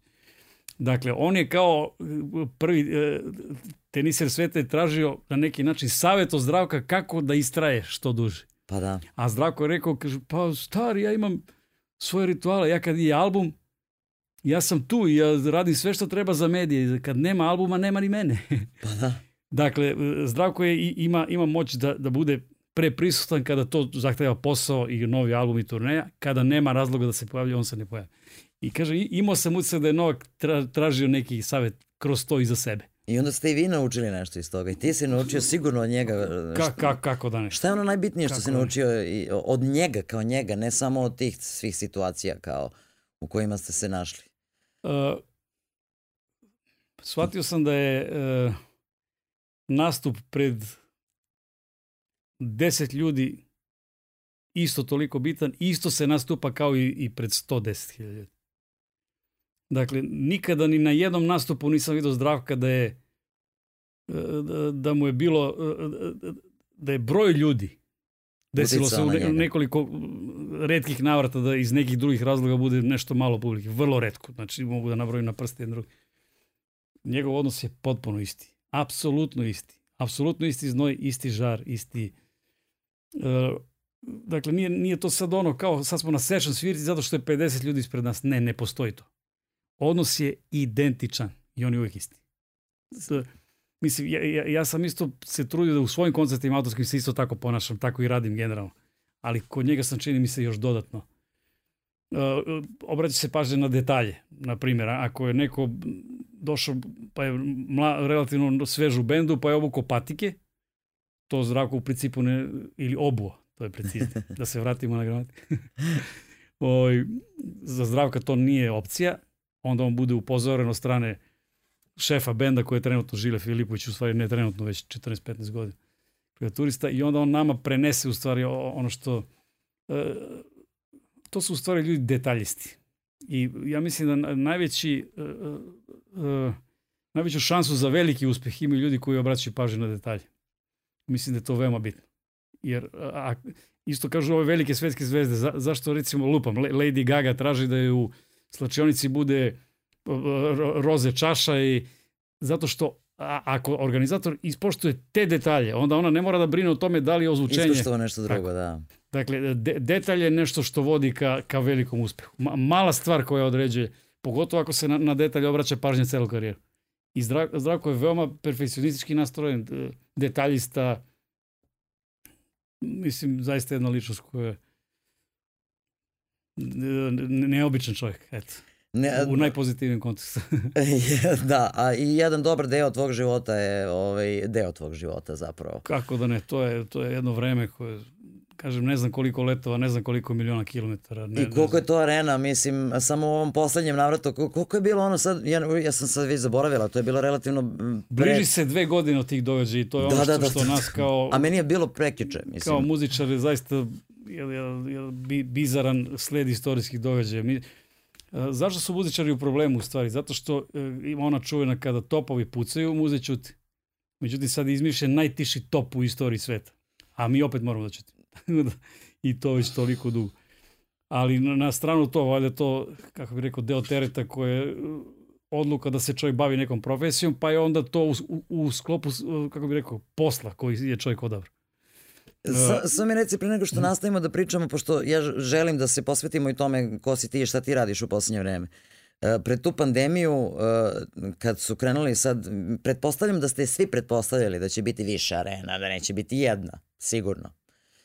I onda kad je krenulo da se zakazuje i da se zakazuje i da se zakazuje. Jel to tebi bilo negde iznenađenje već kao, au, koliko je ovo već su počeli ono kao, treba mi ono pretplata za, za sledeći da, da, mesec, kao ajde vidimo da, Čolić. Da, bilo i šala na tu Znaš, temu. Pa mislim, bilo je toliko, ono, to je bila jedna od najinteresantnijih šala pred pandemiju.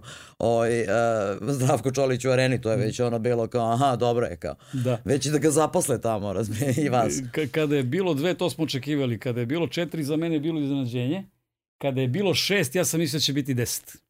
Ako mogu sebe da da definiš. Sad si već rekao, e, ajmo, ajmo da, lagano. čak mislim da je, da je Čekaj, Zdravko... Čekaj, na kraju bilo ukupno? Šest. Šest, šest mislim. Joma. A, ja mislim da je Zdravko imao želje. To je moje mišljenje, nikad nismo razgovorili, nisam ga pitao, to je deo njegovog poslovnog odlučivanja koje je ekskluzivno njegovo. Dakle, ja niti želim da imam utjecaj na to, niti objektivno naravno, imam. Naravno. Mislim da je želeo da, i možda čak i da je znao da će ovim tokom krenuti ja mislim da smo mogli da idemo do 10. To je moj intimni osjećaj. Što ne gore, ja mislim da ste da, mogli. ja mislim da smo mogli. On je eh, stao zato što u, uvijek postoji ono, ono što on kaže, daš se publici, ali mora da postoji... A i stani kad je najslađe, mislim. Ima i toga, naravno. I mi smo imali još... Ne te, te dane, ja sam mnogo dugo zaista u celom to poslu, ali te dane nekako... Eh, kao da je bila, toliko smo bili u Zenitu, kao da je bila neka eh, prednajava u kontrasmislu u odnosu na ono što, što nam što nam sledi, na, nažalost. Uh, između ostalog, e, imali smo umeđu vremenu koncert uh, između treća, četvrta, pa smo imali koncert u Londonu. O2 uh -huh. nije arena, nego forum se zove. Isto vrhunski jedan klub. Nije ja malo. Verujem, da, ver, verujem da su i tamo i silni nastupali koje znam. Uh, a onda su, bila pet, onda su bile pet i šest arena. Fantastično. Ovaj, uh, i onda su bili radovi u studiju. Ovaj. Da, Radi se Beograd, radi se, gradi menjaju se, vidiš ovaj. Menjaju se tapete. Jel pričam sad ili ne?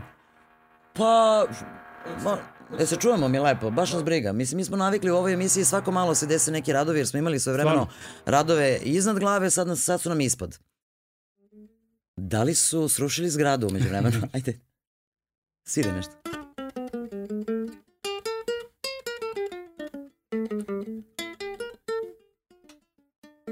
nisu nam srušili zgradu umeđu vremenu ovi radovi koje smo morali da, ovaj, da pretrpimo eh, i da slušamo ovako offline, Uh, nastavljamo priču.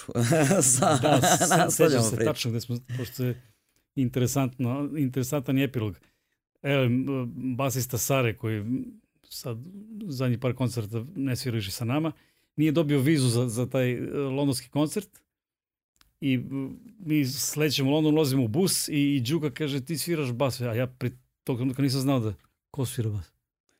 Kaže pa ti sviraš bas večeras, care nije dobio vizu. Rekao, fenomenalno. Baš lepo što ste mi rekli. Da, ovaj, a bio je sa nama i Miša Amadeus, naš, naš najčuveniji uh mhm, -huh. Mhm. rodi, moj mnogo dobar drug. Ovaj, I on je postavio opremu, bio mi smo došli u salu. Jedino što mi je bio problem, to je, znaju muzičari o, to, o toj problematici, to je bio petožičani bas. Aj. A ja sam uh, kvalifikovan za če, bas sa čete žice. Ja sam iz tog doba uh, Žiki, Dragi Jelić je grupa. Ta, tako je. Ta, tako vidim bas ceo život. Ne, ne kao sa pet žica, nego sa četiri. Aha. I to mi je bio problem, malo ta peta žica, ali sam u stvari osvirao uh, zaista bas gitaru na koncertu Zdravka Čolića iz Morenja. I to mi je onako u karijeri jedno od najdražih nastupa uspeli smo da spasimo stvar svi zajedno, ali eto, za, zato je dobro u životu znati više stvari. A, e, suština je, dakle, šest arena, pre toga smo se pripremali u, u jednom dvorcu ne znam, da, da Sting ima ekipu da dovede o, o, o, pre... pa, petalja, da, Daj meni to, gitarče. Da skinemo pet. Da se slikam makar s gitarom, kad već ne znam da sviram. E, ovako. Ne znam da se čuješ.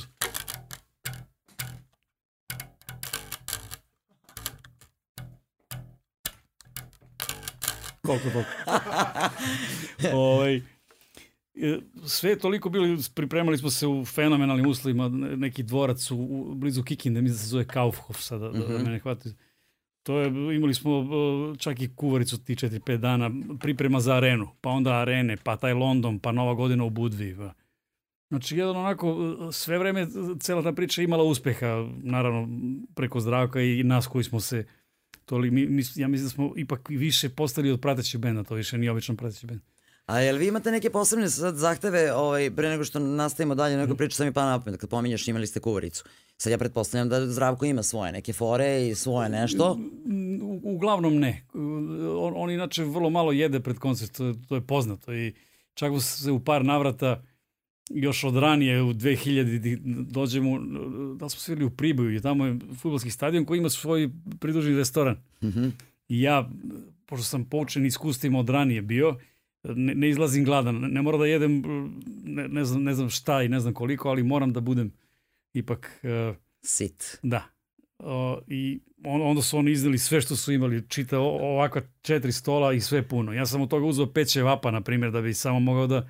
I onda je Zdravko ušao Ovaj, u taj restoran futbolskog stadiona i kad je video i to mu i dan danas to je priča pa ja prejao si mi se onda. Jel su bili u stvari tu neko lagano prepiranju da li koliko treba jesti pri koncu. E, tako da on nema neke posebne zahteve, ne, nema... Dobro, za pevanje to stvarno jeste problem. E, da, Prosto, naravno, znaš, naravno samo ovaj... kažem, pitanje je opet kao i svemu drugom mera, dakle, Ja, ja to radim iz posebnog svog razloga. Na prvoj turneju u Americi se desilo da sam toliko puno skito i nisam jeo i onda sam na bini imao neki, ja ne znam kako da nazovem, taj neki, tvrdim da je od iznemoglosti i od, od nejela. I onda sam poučen tim iskustvom sam u stvari Aha. Nekako I nemate posebne zahteve kao, no šta, kad smo već sa zvezdom. Ne, ne pa kao, ajde... tu, tu, tu, se negde, kako bih rekao, tu, tu, tu negde merimo uh, naklonost publike koja nam je bliža pošto ja znam puno ljudi iz tih prvih redova, znam i godinama već, tako se borim u stvari za, i za njihovu naklonost nevezano od muzike. Dakle, u, pretpostavljam da u nama trebaju da vidi ipak neke skromne ljude, bar ja tako gledam na stvar. Što se mi trudimo sve ovo vreme da... Da pretpostavljam i on, ono tako deluje kao neko Absolutno, ko nije neki... To je, uh, on, on čovjek koji nema, nema posebne prohteve, zahteve vezano za, za hranu, ne znam, za... Uglavnom ne, dakle, slušaj, pričat ćeš mu lepo o ovoj mhm. emisiji, pa ćeš jednom onda dođe i kod nas ovde da priča direktno o tome, Naravno, pa da mi ja, se vratimo ja, na tebe. Ja, ja se nadam da će... Kaži, zdravko, što sam bio u podcastu.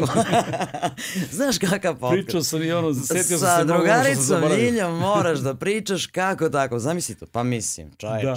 E, nisam upoznala čoveka nikad, by the way. Znači, upoznala sam ja ako jedan ozbiljan broj ovaj, muzičara sa ove scene i, i, i ex-jugoslovenski sve, ali vidiš njega nekako nikad me put nije naveo mm. do toga da čak ni radim intervju s njim, ni da... Ja da- nisam recimo imao priliku da, da upoznam lično Balaševića. Videli smo se jednom, čini mi se, u prolazu sa nekim ljudima sa, mnogo više sarađivao iz, iz muzičkog sa nekim mnogo manje, a opet to je nekako stvar, ne znam, strujanja. Ali viš, malo pre kad si pomenuo ovo basistu toga, ja kažem, zamisliti čoveka koji će da upiše u CV da je svirao s Balaševićem i sa Čolićem. Pa daj, pa taj je sve pokrio što se tiče... Misliš na basistu, na, na, pa, basistu, na, na, basistu, da, ba, ba, da. Bane Marković, da. On je to potpuno zaslužio jer zaista smatram da izuzetan muzičar i... Uh, E, reci mi, od svetskih zvezda uh, i od tako tih nekih ljudi, muzičara, stranaca, koje si, a sigurno si ih upoznavao kroz, kroz vreme, ovaj, jesi nekad imao ono kao foru, jo, ako kad bi ovog upoznao i ako, mislim, znaš, kao, jesi upoznavao te neke ljude i muzičare i gitariste možda koji su ti bili onako wow i da si rekao... Eh, lično ni, nisam upoznao nikog pogotovo ne od ovih baš, baš i idola. Nisi želeo ili... U stvari, ima jedna, ima jedna, ajde da kažem da je upoznavanje. Uh, e, Sting je jedan od mojih najmiljenijih muzičara. Opet, naravno, kao i što se tiče Vlatka, neke delove karijere obožavam, negde smatram da je možda pravio neke padove, ispade i tako dalje, ali suštinski ne, neverovatno. Čovjek, to je zaista čitao da je njegov opus. A, e, svirao je s Edinom Karamazovim na Gitar festivalu. Uh mhm. -huh i moj veliki drug Ivan Ivačković. Dobro. E, sad da, da ne dolazim, e, mnogo dugačka priča, da, da ne bih previše dužio. Ivan Ivačković meni kaže, e, dođi sutra, nakon stigom koncerta u Sava centru, dođi u dom omladine, Sting će imati master klas. I to zna možda 0,01 promil beogradske populacije, taj trenutak. I ja, e, kaže, budi tad i tad ispred doma omladine. Ja zaista u, u 1.25 sam bio, tu je Ivan Ivačković i kaže idemo unutra i mi u dancing sala, ona aha, aha. doma ovde sam gledao svoje vremena Katarinu Veliku uživo. Stoje dve laute, tada je Sting svirao sa jedinom Karamazom koji je vrhunski umetnik. Bila sam na tom koncertu, dobro. Samo u Sava centru, jel? Da. Da, ovo se sad dešava u, u dancing sali, stoje dve laute da, da. i mi ne znamo šta će se dešavati, šta, šta to znači biti pristojno stigao masterklasu. Ja sam se u prvi red i nisam, dobro, bio sam znatno mlađi, sad, sad bih se usudio i da ga nešto pitam i da ta, tada nisam smeo da... Čuti i gledaj. da, ali je to uradio Ivan u, umesto mene praktično. I ovaj, seo sam u prvi red, nisam ni bio svestan koliko, mislim da je bio jako malo ljudi iz. I on toliko izlazi Sting, tada ima bradu i Edin Karamazov koji seda pored njega i kaže Sting, evo, ja nemam predstavu kako će izgledati sledećih sat i po, dva nisam ništa precizirao, ali pretpostavljam da bi trebalo da bude tako da vi me nešto pitate, šta vas interesuje, ja vam odgovorim, pa vam onda malo sviramo.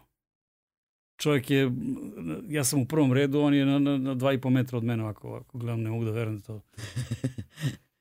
I ovaj, a ja sam u, u nekim kla, e, e, kvalifikacijama svojim, čak sam slao i neko pismo preko Ivana Mačković, e, stavio sam, to je moj subjektivno, dakle, ograđujem se, uopšte nikog ne želim da vučem za jezik da ulazim u raspravu ja sam ga nazvao Mozartom današnjeg vremena. Mm -hmm. Jer ga tak, tako ga ja tretiram. Veoma diskutabilno, ali to je moje mišljenje. I uh, to je znao Ivan Ivačković u tom nekom pismu koje je pročitao i onda je Ivan nakon tog stingo rekao, evo, pošto on ima taj novinarski crv e, koji, koji je, e, ja nekad žalim zbog, zbog svoje neke relativne nekomunikativnosti u određenim trenucima. Ali on Sad mora se, biti komunikativan. Tako je, tako je, zato što profesija nalaže. I onda on umesto mene, kaže, evo ja, ja ću to break the ice, kao da probijem led, evo ja ću da postavim prvo pitanje. I kaže, ovaj momak do mene, i pa kaže, da mene je za, za vas napisao jednom prilikom da idi za tebe kako god, pošto ju nema da, te, da. persiranje u engleskom. Uh, da, da si ti Mozart našeg vremena. I ja sam dobio odgovor, Sting je gledao meni i meni odgovara. Kako to je, to je ne, nešto za, za mene... E, po... Si zadovoljan odgovorom njegovim e, na to? Jesam, naravno, on je ekstremno pametan čovjek i prvo, izne, mislim da si prijatno iznenadio, nije mi delovalo kao gluma i kao šmira, nego mi je delovalo da je iskreno to primio. Oce, rekao mi to po tom thank you koji izgovorio. Nije bilo obično thank you, nego je da, dao neki značaj toj floskuli koja se, koja se zove thank you. Uh, I onda rekao, to je zaista veliki kompliment za mene. Uh, Kaže, ja imam utisak da ceo svoj život stvaram u senci tih velikih kompozitora klasične muzike. Ali smatram da je e, klasična muzika u pro problemu zato što koliko god da je velika, ona mora da se svira na napisane partiture. Mm -hmm. Što je verovatno negde istina. Za mene najlepši komad muzike e, e, koji ikada napisan je Mozartov Requiem, za moj ukus. Ali taj Requiem mora se svirati tako kako je Mozart napisao. A, a onda Sting kaže, to je kao kad uđeš u muzej i ti vidiš te skulpture koje su iste sve vreme i prve. I to je to, Dakle, da. ne, nema se uticaja na tu veliku muziku. Kaže, ja više volim da se igram sa svojom muzikom.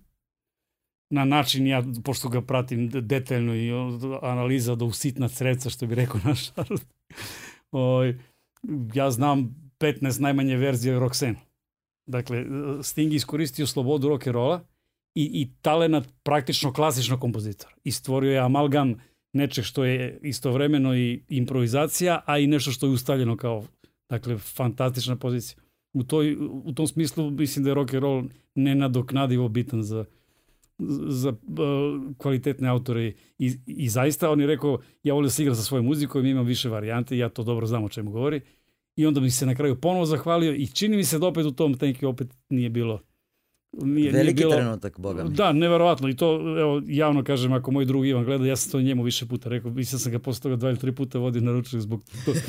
rekao sam mu da je to usluga na nivou bratske, šta mi je priuštio. I da je pitao pitanje umesto mene. I čak ja mislim da je moj jedan DVD stigo do Stingovih ruku, ovaj, jedan od mojih albuma. Ne znam šta Sting, ne očekujem ništa, naravno, niti da je slušao, nije ni bitno. A možda i da je slušao, možda bi čuo nešto što bi, što bi mu se dopalo, nije to sad E, u svakom slučaju veliki trenutak za mene, zaista. Koliko si kompozicije ti stvorio u životu? E, sti... Da li znaš slučajno ili imaš slučajno, broj? Slučajno, e, imam tačnu evidenciju koncerata, a sad slučajno znam ono što se pod mojim imenom vodi u Soku, jer je Soko i tražio pra, prave bazu podataka, yes. ali ne, ne samo da imaju kao, kao papir, nego da imaju kao audio. Jeste, jeste. I onda su poslali, molim vas, pošaljite nam audio E, zapise vaših kompozicije. Ja mislim da je 276 mojih kompozicija. Sjajno. Da. Pa nije Pošto to sam... uopšte malo kad čovjek nije, pogleda. Nije, 11 stavova instrumentalne muzike, radio sam Još de, malo pa si ko Ljuba Ninković. Ljuba je ve veliki, pa, samo, samo onu jednu da su napravili pa su, kako već ide, uh, čuvena pesma s vremena na vreme, jedna od, nije važno. Samo, samo tu jednu da su Samo jednu, pa- da, pa je to. E, ali vidiš, to je sad opet interesantno. E, kad pomenu smo Ljubu i pričali smo tu ne, o nekim tim pesmama koje je stvorio, koje su postali neopisivi, ono, hitovi na prostorima bivše Jugoslavije. Uh, znaš, ti nisi u tom smislu sad kao kant autor, ja sad izađem stvorim pesmu ili imam band koji ima tu i tu pesmu koja je postala hit. Uh, Eh, instrumentalna muzika je vrlo specifična činjenica, razumeš? E, opet eh, nekim ljudima čak neke pesme nisu toliko ni prepoznatljive dok se ne udube ako nemaju neke vokale i nekakve reči. To je, to je prosto tako, tako da ljudski mozak funkcioniše. Da. A s druge strane, ti kao gitarista koji želi svoj autorski rad da predstavi, uh, mora da negde izvuče iz toga nešto što će biti prepoznatljivo i običnom svetu koji ne razmišlja o tome na, na, na određeni način. Znaš, da, s tim što to nije moj ekskluzivitet, e, malo je pitanje sredine u kojoj živimo, e, zašto postoji Satrijani čiji vokal ne znamo, Onda sam čuo da dobro, postoji uh, Steve Vai, moram da priznam da, ajde sad malo ukuse opet. Nisam... Ko niko nije video Sašovu facu i sa Trijanijev glas. Šalim se. Uh, o Ingvi Masti, u stvari znam i da Ingvi do, dobro peva. Kažem, ta, ta, ta grupacija gitarista nisu mi baš da budem...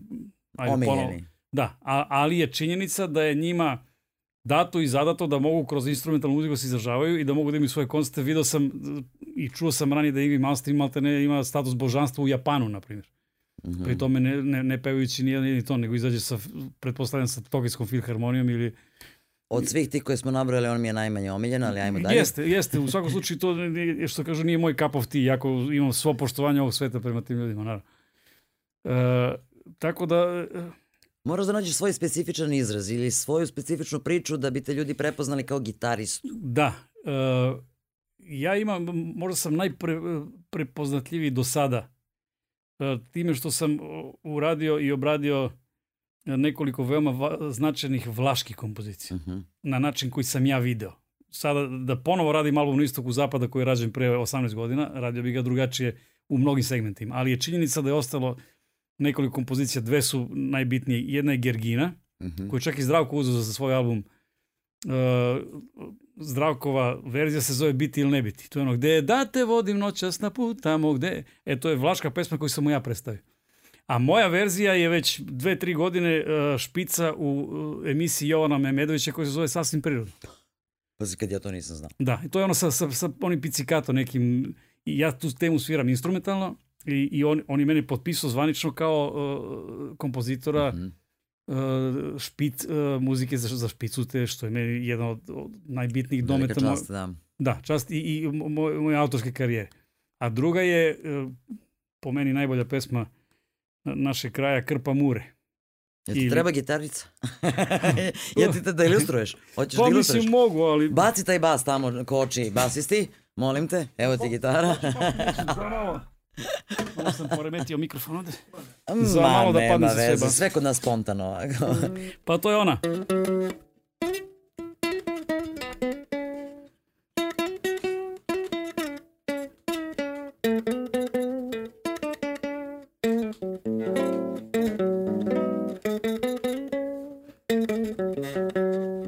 A original ide...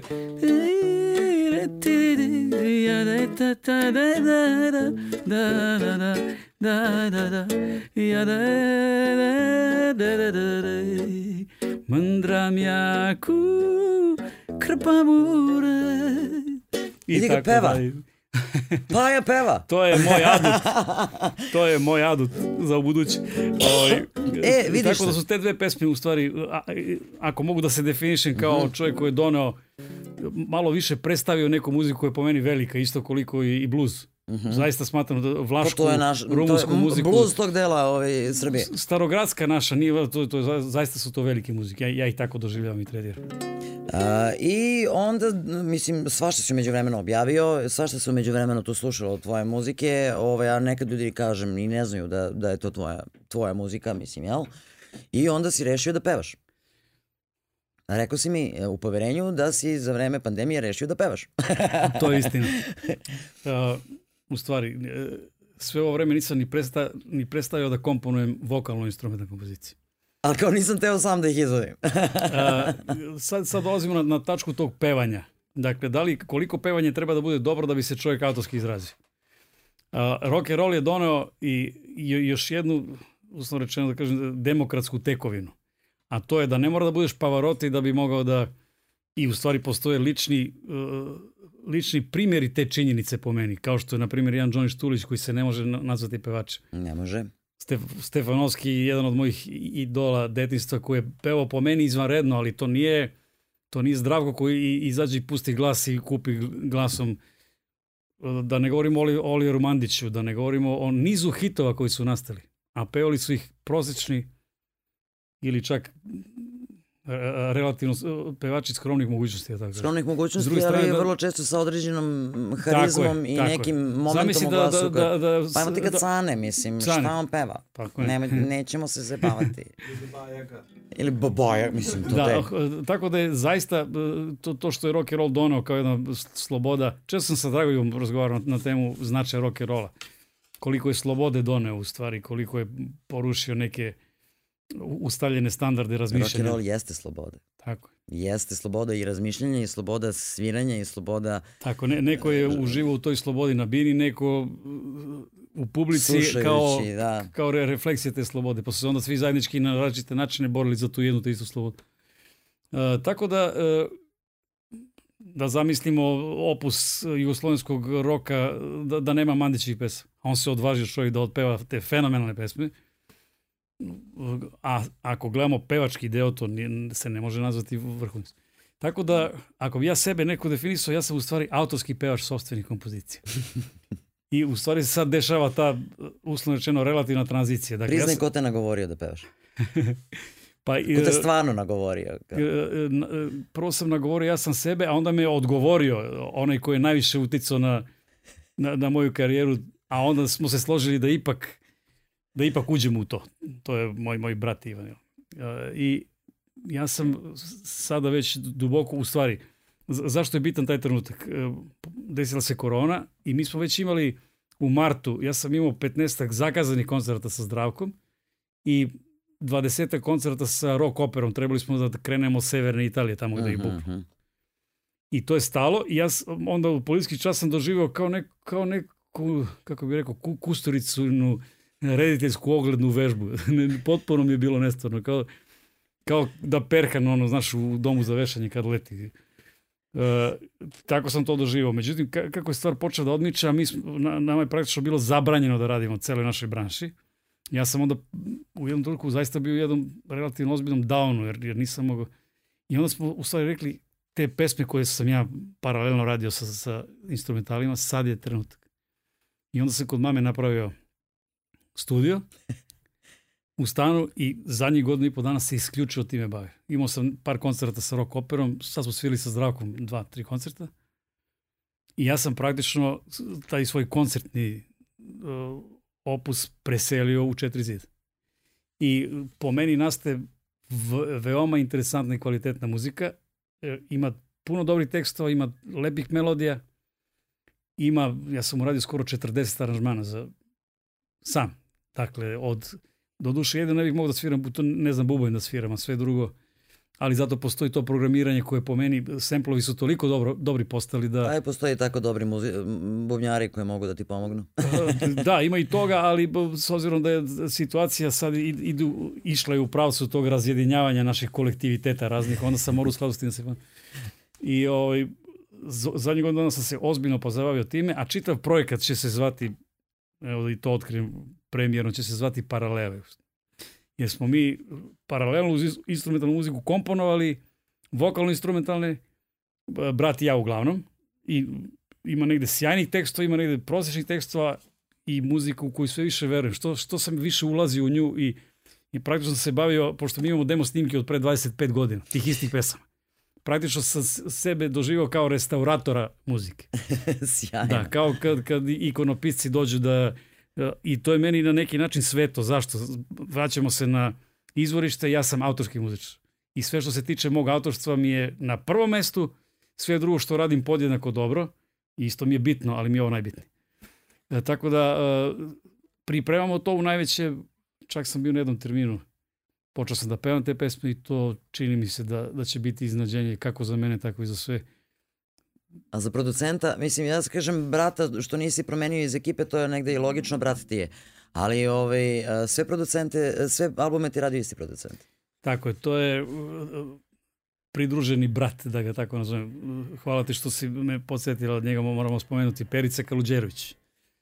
Jedan izuzetan muzičar, jedno uvo koje čuje šta stotine hiljada drugih uh, par ušiju ne čuje, zaista a inače imao i svoju briljantnu sviračku karijeru, svirao sa Đorđem Marjanovićem u Rusiji, sa Dadom Topićem svoje vremeno. I on je naš treći brat i mi smo u stvari kao neka u tom autorskom radu instrumentalno kao trogla aždaja. Ja sam im obično... Imao, istina, istina. Da, da, tako je. Imao sam običaj tako da nazivam. I on, je, on ostaje i dalje. On je, eh, te muzike nema bez njega. Jer, eh, iz kog razloga? Ja eh, komponujem, ja aranžiram, ja osviram. A, ali u trenutku kada se počinje zvučna slika da se pravi, celokupna, onda to prelazi na njegov teren. I, a Perica Kaluđerović mogu da potpišem da je kompetentan da to radi u Americi, u Los Angelesu. Zaista mislim da je izuzetan u tome što radi i da ne govorimo o našem prijateljstvu i još da se nadovežem baš na početak njegova majka, Tostana Kalđerović, je meni predavala klavir u muzičkoj školi u Bor.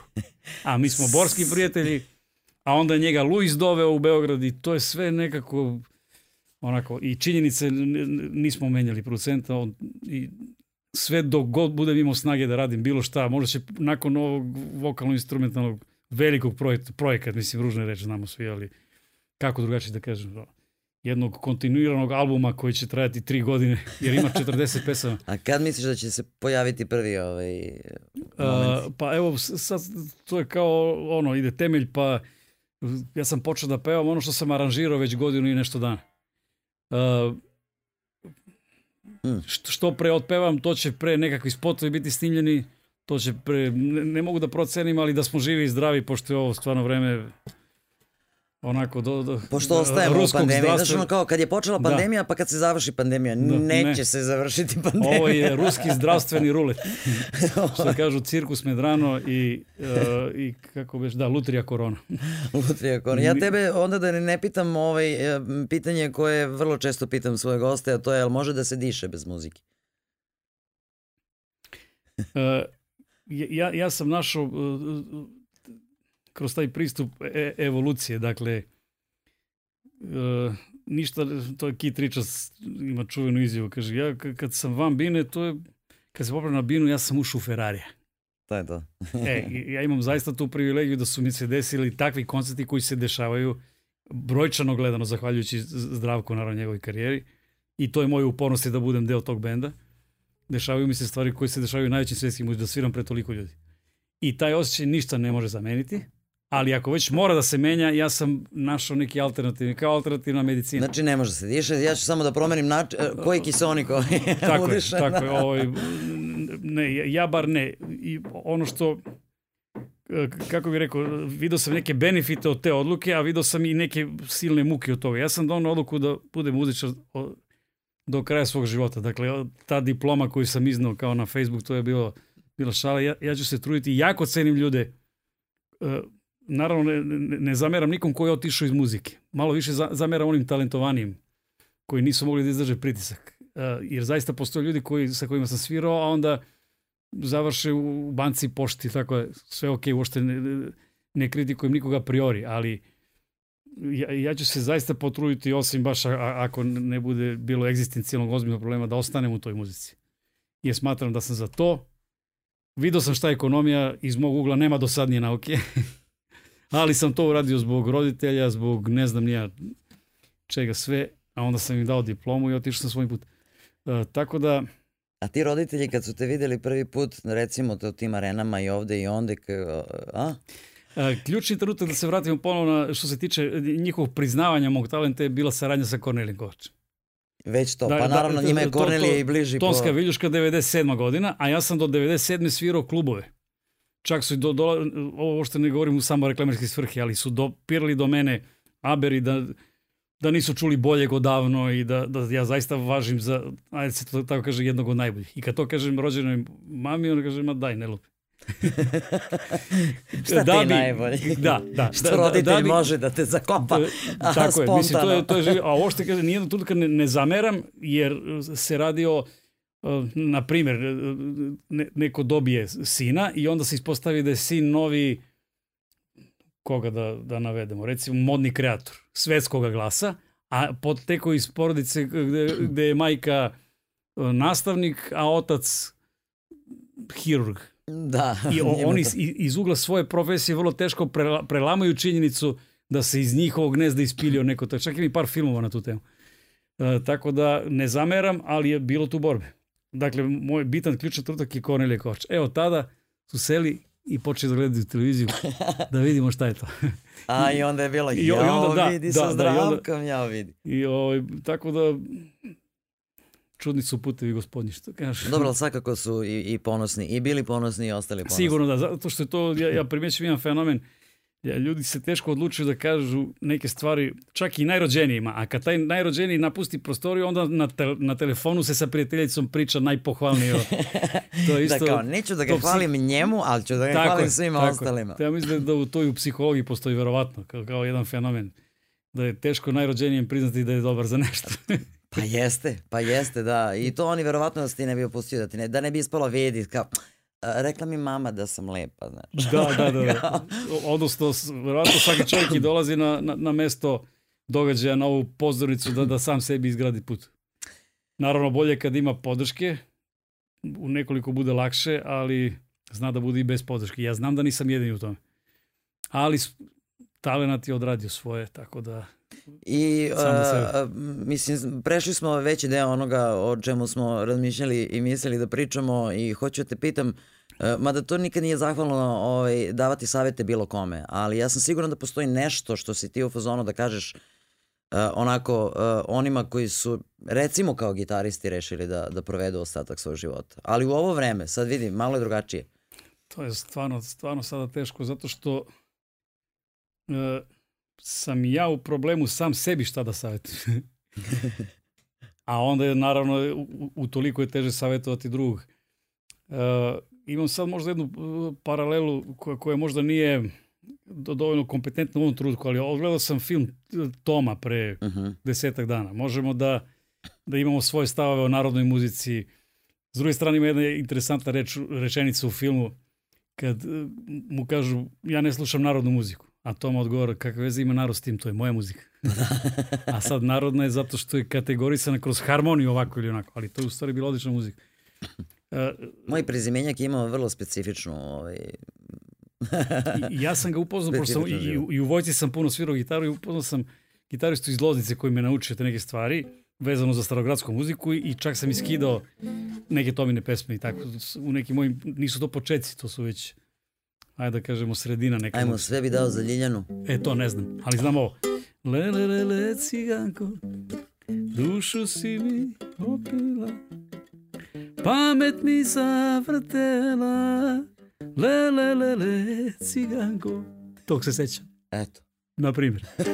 ovaj, ta, šta je moja poenta? E, u tadašnjim okolnostima može se reći da e, postoji jedna zajednička nit koja povezuje tu muziku koju bi nazvali narodnom i ono što sam ja mnogo više volim slušao, a to je emocija. E, mislim da, da je, e, se emocija toliko potrošila. A neka paradigma prestanka e, e e emotivnog gledanja na umetnost, na muzičku umetnost je taj takozvani autotune, ti znaš o čemu.